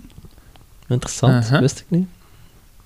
Dus de Brenda eerste Chapman. heeft de eerste treatment gemaakt, de Ja. tweede heeft dan uiteindelijk het verhaal geschreven zoals we het nu kennen. Ehm, misschien dat het daarmee ook wel wat... Waarom dat wij het een feministische film noemen Mhm. en waarom dat ze niet zomaar voor de jongens gaat, maar Ja. eigenlijk, allee, dat, dat dat eigenlijk allemaal meer vanuit een gevoel is van waarschijnlijk vrouwen die zijn opgegroeid met Disney-films en zichzelf Ja. daar niet in herkenden. Ja, ja, ja. Ja. Dat kan zeker, hè. Dat is natuurlijk niet aan ons drie jongens. Ik ben, ik ben gewoon, nee, ja, ik ben gewoon de films zo eens aan het overlopen van die periode ook. En ik vind dat ja, alle vrouwen zijn, zijn, zijn in die films, eh, bijna allemaal, redelijk sterk. Maar het is allemaal voor mij heel natuurlijk. Maar dat is misschien ook omdat ik ermee opgegroeid ben. Ik vind nooit dat er iets geforceerd aanvoelt of, of eh, een beetje expres in de kijker gezet van kijk eens hier wat wij doen voor een vrouw of zoiets. Nee, dat is gewoon heel natuurlijk, heel organisch voor mij. Als het over de animatie zelf gaat, ehm, zien jullie daar een grote stijlbreuk met vroeger? Want het is ook het is een film die, eh, net als de vorige trouwens, maar nu hier, in een heel cruciale scène ook wel CGI heeft omarmd, maar toch wel bij die oude tekenstijl Mhm. gebleven is. Is dat een, een geslaagd huwelijk? Ik vind dat een geslaagd huwelijk. Het is een, een, Little Mermaid, vanaf Little Mermaid, is, is een nieuwe vorm van klassiek, eigenlijk. Eh, want ze gaan, voor heel veel dingen gaan ze terug naar, naar hoe het was, maar ik vind eh, qua character designs en zo is, is een redelijk nieuwe stijl. Ik vind dat, eh, bijvoorbeeld, ik noem dat de Glen Keane touch, die, die bijzondere ogen. eh, Die stijl is een beetje geëvolueerd, maar, maar ook zelf de CGI, zeker voor die tijd. Hoe zacht, hoe zacht voelt die, die balzaal? Ja, wel inderdaad. Ik Ja. vind, ik vind gelijk Hoe die, mooi inderdaad die balzaal en, en, de, en dat schilderij dat er dan toont. Ja. Ik vind dat een mooi... Het is niet dat dat zo twee werelden zijn die naast Nee. elkaar zijn. Dat, dat is Wat zo je wel soms mooi. wel hebt, zelfs bij modernere Ja. films. Ja, ja, ja, Dat is echt een heel mooi huwelijk. Eh, en ze wisten ook hoe dat ze het moesten doen. Ze hebben de, de, de, de sterktes en de zwaktes van CGI eh, gecombineerd met heel goede eh, textures. Dus, dus, dus schilderijen eigenlijk, die ze overal op dat wireframe plaatsen. Ja, ik vind dat heel mooi gedaan. Want het gaat dus voor alle duidelijkheid vooral over die eh balscène waar Mhm. ze samen dansen en waar dan de camera, ja, de fictieve camera regelmatig ook naar boven gaat. Ja. En dan heel de, alle muren, heel het plafond, dat is allemaal digitaal ingetekend achteraf. Ja, en zo, mocht ook de animators niet onderschatten. Eh, het is James Baxter, denk ik, die, die zo die iconische twirl eh, en de, de sweeps eh, doorheen de balzaal. Je hebt iemand nodig met heel veel talent die dat naadloos verwerkt. Hè. Mocht niet lui zijn, dat zo zeggen. Het was ook de eerste keer dat het terug mocht om eh, leven in de achtergrond te brengen. Tot dan was eigenlijk zo de, de goedkope Disney-truc van we laten gewoon eh, één schilderij maken, bij wijze van spreken, Ja. als decor. En daar laten we alles op afspelen en op die achtergrond is niks meer geanimeerd. Ja. Bij deze mocht dat terug wel, ja, omdat het duidelijk dan ook wel veel kwalitatiever ging zijn. Ja. Disney was terug aan het groeien uiteindelijk. Hè. En, en eh, het is naar Rescuers Down Under. Er wordt er altijd zo wat van, van tussen gesmeten, maar met digital cap systeem, dat, dat gaf ook nieuwe vrijheid. Eh, eh, het zal wel duur en moeilijk geweest zijn op veel vlakken, maar, maar daar kon je, je kon veel rapper iets kopiëren. En, en dat zie je ook in, in bepaalde scènes in Our Guest, hoe ze eh, bepaalde objecten, de, de dansende plumettes of wezentjes, al die, die, die borden en dingen, ze kunnen dat heel gemakkelijk kopiëren. Dus, dus Hm. ze hebben daar heel wijze dingen mee gedaan met dat systeem. Dat is een, een, een, een nieuwe generatie van een soort animatiefilm en dat is ontploft in de volgende films. Ja, ik vind dat... Dat is de, mijn favoriete periode, hè. je zult het misschien al gehoord hebben. Ik ga is dat er echt? even tussen steken. Er is een documentaire op Disney+, Plus, eh, los van de Howard Ashman documentaire, Waking Sleeping Beauty. Dat is mijn favoriete Disney-documentaire. Ik weet niet of dat, dat de beste is. Maar dat gaat eigenlijk over de, de, iets, de downfall eh, eind jaren 80, maar ook de rise van de nieuwe generatie en hoe dat, dat gebeurd is. En, en wat dat er eigenlijk allemaal moest samenvallen om, om een beetje magie te maken uiteindelijk. Want dat- die, die periode heeft uiteindelijk ook niet zo lang geduurd. Eind jaren 90. Voor mij was dat een beetje terug naar beneden gaan achter Tarzan. Dat kunnen zo'n beetje een film kiezen eh, eh, of choosing. Maar ze hebben het dan weer moeilijk gehad. Maar ze hebben een, een periode van zeker een dikke tien jaar gehad. Dat, eh, Ja, dan zijn ze eigenlijk langs rechts voorbijgestoken door Pixar, Ja. waar ze dan wel de verdelingsrechten voor hadden. Ja. Maar dan hebben ze een dat- identiteitscrisis gehad ja, eigenlijk. Dat hè. zagen ze zelf niet aankomen. Ja. hè. Dat is een identiteitscrisis een beetje gehad. Hè? Want Dan dan, is dan, de 3D, hè, Ja, 3D, opgekomen. maar het is niet enkel 3D, het is ook de manier van storytelling. Toy Story was weer iets volledig anders. Geen muziek, serieus. ehm, allee, serieus. Ehm, en dan, dan later is er Shrek en zo bijgekomen. Wat doe je dan als Disney als u uw imago volwassen... Allee, toen was het volwassen storytelling met Ja. grote musicals of zo. Ja. De, de prestige-era van Disney, want kijk ook naar de andere studios, Prince of Egypt en zo. Ja. Die gingen allemaal voor hetzelfde. Ze worden allemaal uiteindelijk een Oscar winnen op het einde van het jaar. Ja. Dat was de, een beetje, niet de goal van de film, maar eh, zeker dat de producers zeiden, ja, zo gaan we weer een Oscar winnen. En, en Mm. Da- daar ging het hem voor. Dus, dus, het waren epische films, het waren films Ja. waar dat ze voor, voor gezinnen, voor families maakten, maar waar dat de storytelling zeer volwassen moest zijn uiteindelijk ook. Eh, kijk naar een Pocahontas, ik vind dat alles behalve de beste Disney-film. Maar je ziet, dat is gemaakt met de intentie van hoeveel Oscars zouden we kunnen winnen met Pocahontas. Dus, eh, het is dan uiteindelijk Lion King die met alles is gaan lopen. En dat is een fantastische film geworden. Ja. Maar Pocahontas, zo, het was het, het draam, dramatische, romantische mensenverhaal. Ja. Ja. eh, Ja, gebaseerd op geschiedenis. Lion King was toch een soort B-project, hè? B-project. En dat is uiteindelijk de cultuurschok geweest. te Ja. weten, ja. Ja, ja, effectief. Je vindt daar dan veel getuigenissen van, van animatoren die zeiden van als je op het project The Lion King werd gezet, dan hoorde je bij de B-ploeg. Ja. En niemand wou dat doen, want iedereen dacht de volgende film, dat moet weer een prinsessenfilm zijn. Pocahontas, dat wordt de grote hit. Ja. En dan gebeurt er iets gek, hè. Mhm, dat is Lion King. Ja. Maar dat zal wel in de, een van de volgende afleveringen uitgebreid aan Ja, ja, absoluut. ja. Maar dat ondersteunt ook wel het verhaal wat in die Waking Sleeping Beauty zit. Trouwens ook een documentaire van Don Haan. Mhm, een man die de periode dan ook wel eh, van op eerste rij heeft meegemaakt. Facebook-vriend. Is hij jouw Facebook-vriend? Ja. Wauw. Maar ik denk dat je dat gewoon kunt vragen en hij voegt die toe.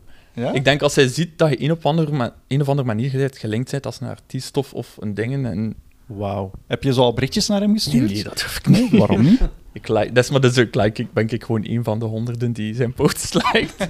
Love you, Don Haan. Hij heeft een geweldig boek geschreven over brainstorming. Ja.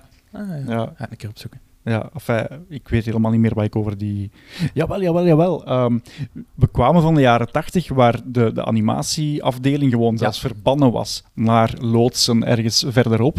En dan ja, zijn ze terug met de grote trom binnengehaald naar eh, de, de eigenlijke studio's. Een nieuw gebouw gekregen waar dan die, die ehm, muts van Mickey Mouse uit The Sorcerer's Apprentice, Ja. uit Fantasia, als, als ingang gebruikt wordt. Alleen maar te zeggen, dat was ineens een... De helden. Ja, Ja, ja, maar ja, als het is helden terug ontvangen. Na vernedering eigenlijk, uiteindelijk. Hè? Ze, zijn, ze waren dus eigenlijk de historische gebouwen waar dat de Disney Animators al sinds de jaren 30, weet ik veel, Ja. eh, Sinds zaten. na eh, Sleeping Beauty. Ja. Disney had het gebouwd met Ah, het ja. geld van Sleeping Beauty. Ja. Eh, sorry, sorry, nee, nee, van, van Snow White. Snow White, Ja, oké. het. Dat is echt een fantastisch mooi complex. Dat zal in de jaren 90 wel eens wat verloederd geweest zijn, denk ik. Maar ze zijn dan uiteindelijk... och, animatie, we weten niet wat het mee doen. Hier, je hebt een magazijn ergens daar. En uiteindelijk is het door die vrijheid en dat niemand echt met hen bezig was op de manier dat het moest en de, de druk, dat ze eigenlijk die nieuwe generatie films hebben kunnen maken. En dat maakt dat dit ehm, de eerste animatiefilm was die ooit genomineerd was voor de Oscar voor beste film. In een tijd waarin er, waarin er natuurlijk nog geen eh, Mhm. prijzen waren specifiek animatie, voor animatie. ja. Ja. Daarvoor werden ze wel vaker genomineerd, maar dat ging dan vooral over muziek of Ja, over muziek en zo artistieke Effecten, prestaties, maar voor beste film, dat was echt iets uniek. En ik, in mijn hoofd blijft dat altijd de enige, ondertussen zijn er nogal geweest, maar... Up. eh, ja, welke is het? Up, ja. Up en Toy ik Story negeer het 3. altijd. Voor mij is het altijd... Nee, nee, Beauty and the Beast was de enige. ik blijf bij dat verhaal. Ja, en iemand en- corrigeert mij dat altijd. Ah ja, yes, whatever. Ja, want ze hebben dan uiteindelijk eh, de prijs gewonnen voor beste original song, Mhm. Beauty and the Beast. Ja. En, En de muziek omdat- ook, of niet? Ik of denk dat voor- jaar niet. Was dat dan enkel? Alan Menken heeft er Alan- veel gewonnen, ja. alleszins, maar... Of, of was het, ik weet het niet van buiten eigenlijk. eh, of was het met de Mer- Little Mermaid dat hij ook de beste muziek had gewonnen? Jawel, gewonnen beste originele muziek en beste originele nummer. Ja. Maar voor nummer was dan natuurlijk Howard Ashman ook eh Ja. meegenomineerd omdat hij de teksten had geschreven. Hij was intussen al lang gestorven. En dan is het zijn, ja, zijn, eigenlijk zijn levenspartner, Bill Large, die de prijs in zijn naam is komen ontvangen.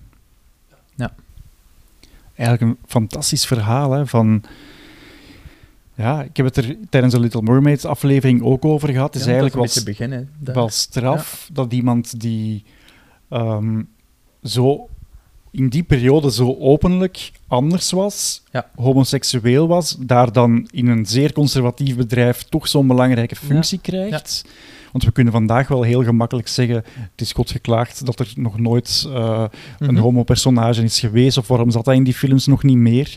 Maar het VS van toen was daar gewoon hoegenaamd niet klaar voor. Sowieso, ja, want... Allee, ik, er is zelf een, de realiteit, had hij in het begin gezegd, ik heb iets, dat hij waarschijnlijk gewoon niet mee mocht meewerken Ja. aan dat project. Het stigma was gigantisch toen ook. En mensen waren toen ook bang omdat ze niet wisten wat iets was. Ik denk dat, allee, we krijgen ook zowel de rooskleurige versie van, hé, we zaten dan allemaal aan zijn bed en zo. Dus zullen daar ook wel mensen tussen gezeten hebben die... Ja, ja, ja, ja. Mocht, dan niet, mocht de realiteit niet, niet onder de, de mat vegen ook. Dat zal wel een, een, een intense periode gewoon geweest zijn voor iedereen involved. Misschien was dat ook wel de reden waarom hij, of een van de redenen waarom hij nooit aan zijn collega's wou vertellen wat er echt aan de hand was. Mhm.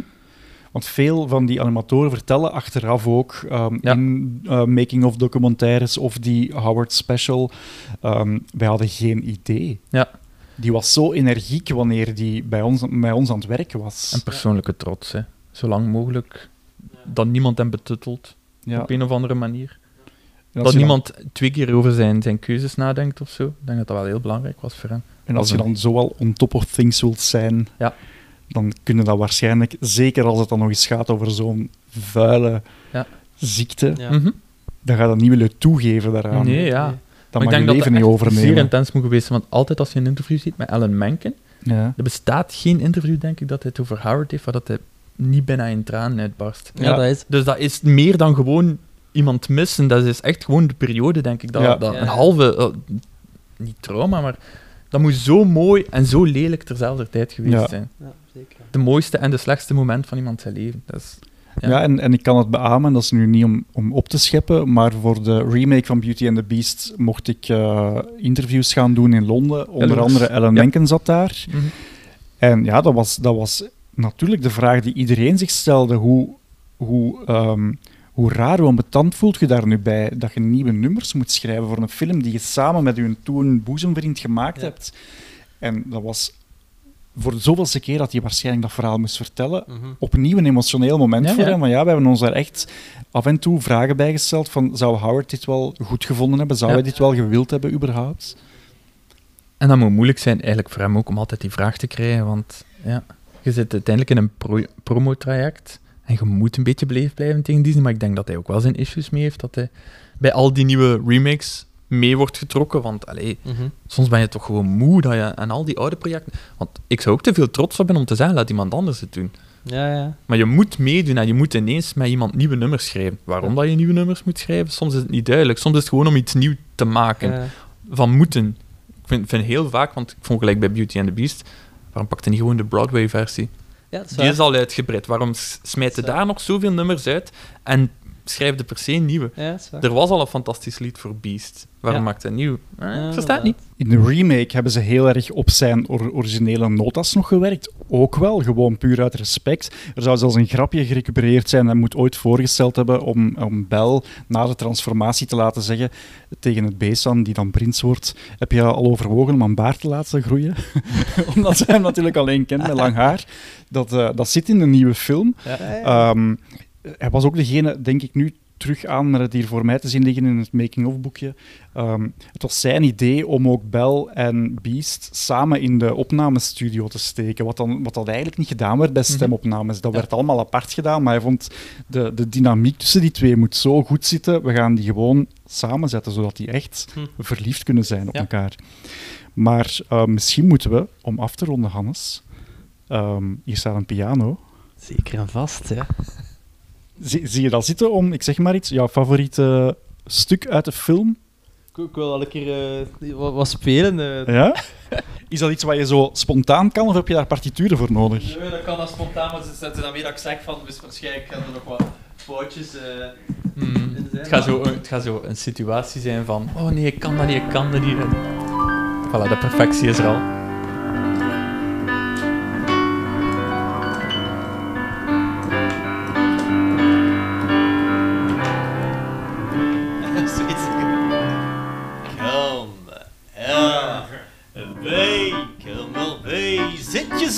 Maar opzij. Een servetje rond je nek, sherry en eh, de rest doen wij. Soup de jour. Zo, ja. ja. Maar in het begin van de podcast zei je ook dat je die proloog zo mooi vond. Ja. Is dat iets wat je zo uit je mouw kan schudden, of is dat heel moeilijk?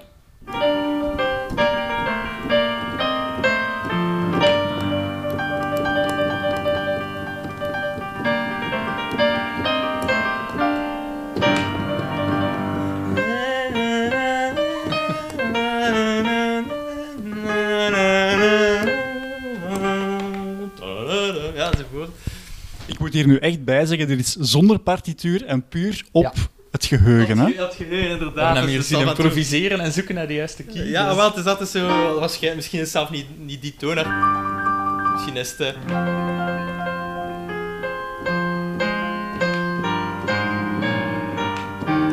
Dat is ja, eigenlijk de dat klinkt juist. deze, ja. ja, dat klinkt juist. Eh, shit, sorry. ja. Ja, dat zit zo ergens erin, hè. Zo die... En bel, ja, weet ik veel.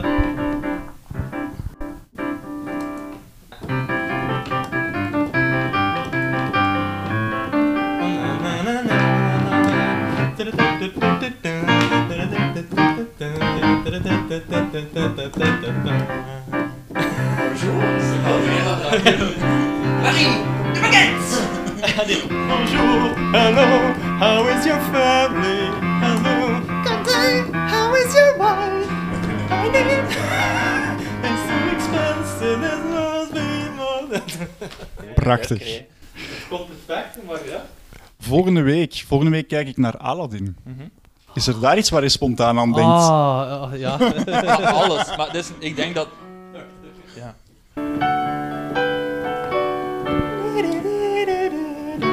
Zo, ook met die antwoorden, hè, dat doen ze Ja. veel. En zo die, die, eh, die orchestratie, dat is nu een andere film, maar inderdaad, dat is die viool daarin, in, de, in die song, dat is geniaal. En zo, I can show you the world. Zo die antwoorden in de muziek. Na, na,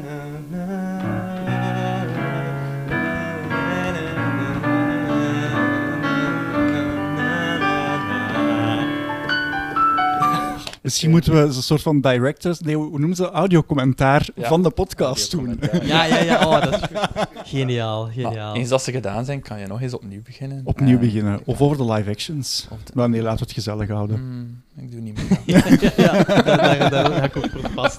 Ik heb eigenlijk ook eh, Aladdin nog niet gezien, eh, de live-action versie. Dus ik wil voor alle duidelijkheid wel zijn, ik vind dat er in bijna elk van die live-action films altijd wel iets leuks zit. Mm. Maar ik vind bijna dat ze nooit dat ze echt werken als film. Want ze zijn gebaseerd op zo'n nostalgie en... Ik, ik heb zo altijd het gevoel, je moet, gelijk het origineel gezien hebben om, om te appreciëren wat je eigenlijk aan het doen. Ja, maar dat is wel vaak bij reboots. Ja, maar ja, het is de bedoeling dat de films op zich leven. Hoewel zeggen, bij Beauty and the Beast was dat beter. Heb ik jou vandaag iets kunnen bijbrengen? Of heeft Hannes jou vandaag iets kunnen bijbrengen, Jeroen? Ja, orchestratie. Oké. Ja, maar dat is iemand dat ik eh, zelf onderschat had. Dus. Ja. Ja. Of waar dat het bestaan eigenlijk weinig van naar boven komt. Mhm. Als je niet in de juiste cirkels Ja, zit en klopt, passies ja. zit. Ja. En jij, Hannes? Ja, ze massa's bijgeleerd. eh, is een, een- een- jullie zijn beiden een eh, wandelend eh, encyclopedie, dus dat is eh, super beetje fijn. op dat vlak, hè. Maar ik was, blij, ik was blij dat ik toch ook al veel dingen wist. Dat ik dacht, Ah, ja, ah, maar dat is leuk. een beetje dat ik... Dus, Ja, dus, ik vind dat leuk. Ik weet toch ook wel al redelijk wat, maar Want ik denk heb dat er veel mensen zijn die nog ah, ja, weetjes kunnen toevoegen en, en die zelf anekdotes hebben. Ja. Die films zijn zo belangrijk. Hè, Het was, het was vooral wijs om ehm, nog een keer in mijn hoofd terug te Ja. gaan naar die film. Want het was, allee, de muziek is wel redelijk eh, aanwezig of zo in mijn leven. Ja. Maar, maar de film zelf was nu wel al even geleden dat ik die... Allee, al lang geleden dat ik die gezien had. Dus dat is leuk om, om dan nog een keer te her, herbezoeken of revisiting. Dat vind ik tof. Dan rest er mij niks anders dan jullie hartelijk te danken voor jullie tijd en enthousiasme en liefde, zowel voor de film als voor muziek. Yes. Eh, Graag ze- gedaan. ja. eh, ik, het was blijkbaar een heel, gelijk, dat is echt een heel populaire film, dus ik ben heel vereerd dat ik, eh, dat ik hiervoor was uitgenodigd. Ik ben ook dus- vereerd, want als je tegen mij had gezegd, je mocht niet meer, is dat ook oké geweest. Dan, eh, ja, nee, dat had ik jou nooit aangedaan. En ik vind ook wel, als het dan toch gaat over die nieuwe generatie films, over die Disney-renaissance en Mhm. in combinatie met muziek, vind ik dit wel de allerbelangrijkste. Ja. ja, zeker en Dat vast. is eigenlijk een beetje gemeen tegenover Little Mermaid en, en, Ja, en, maar- en eh, Rescuers Down Under zelf, maar het is wel zo. Het is Ja. de, de, de film die Disney heeft dus een beetje doen ontploffen en die de liefde voor, de, voor het artform. Ja. Merci. Jij bedankt. Jij bedankt, Merci. Mail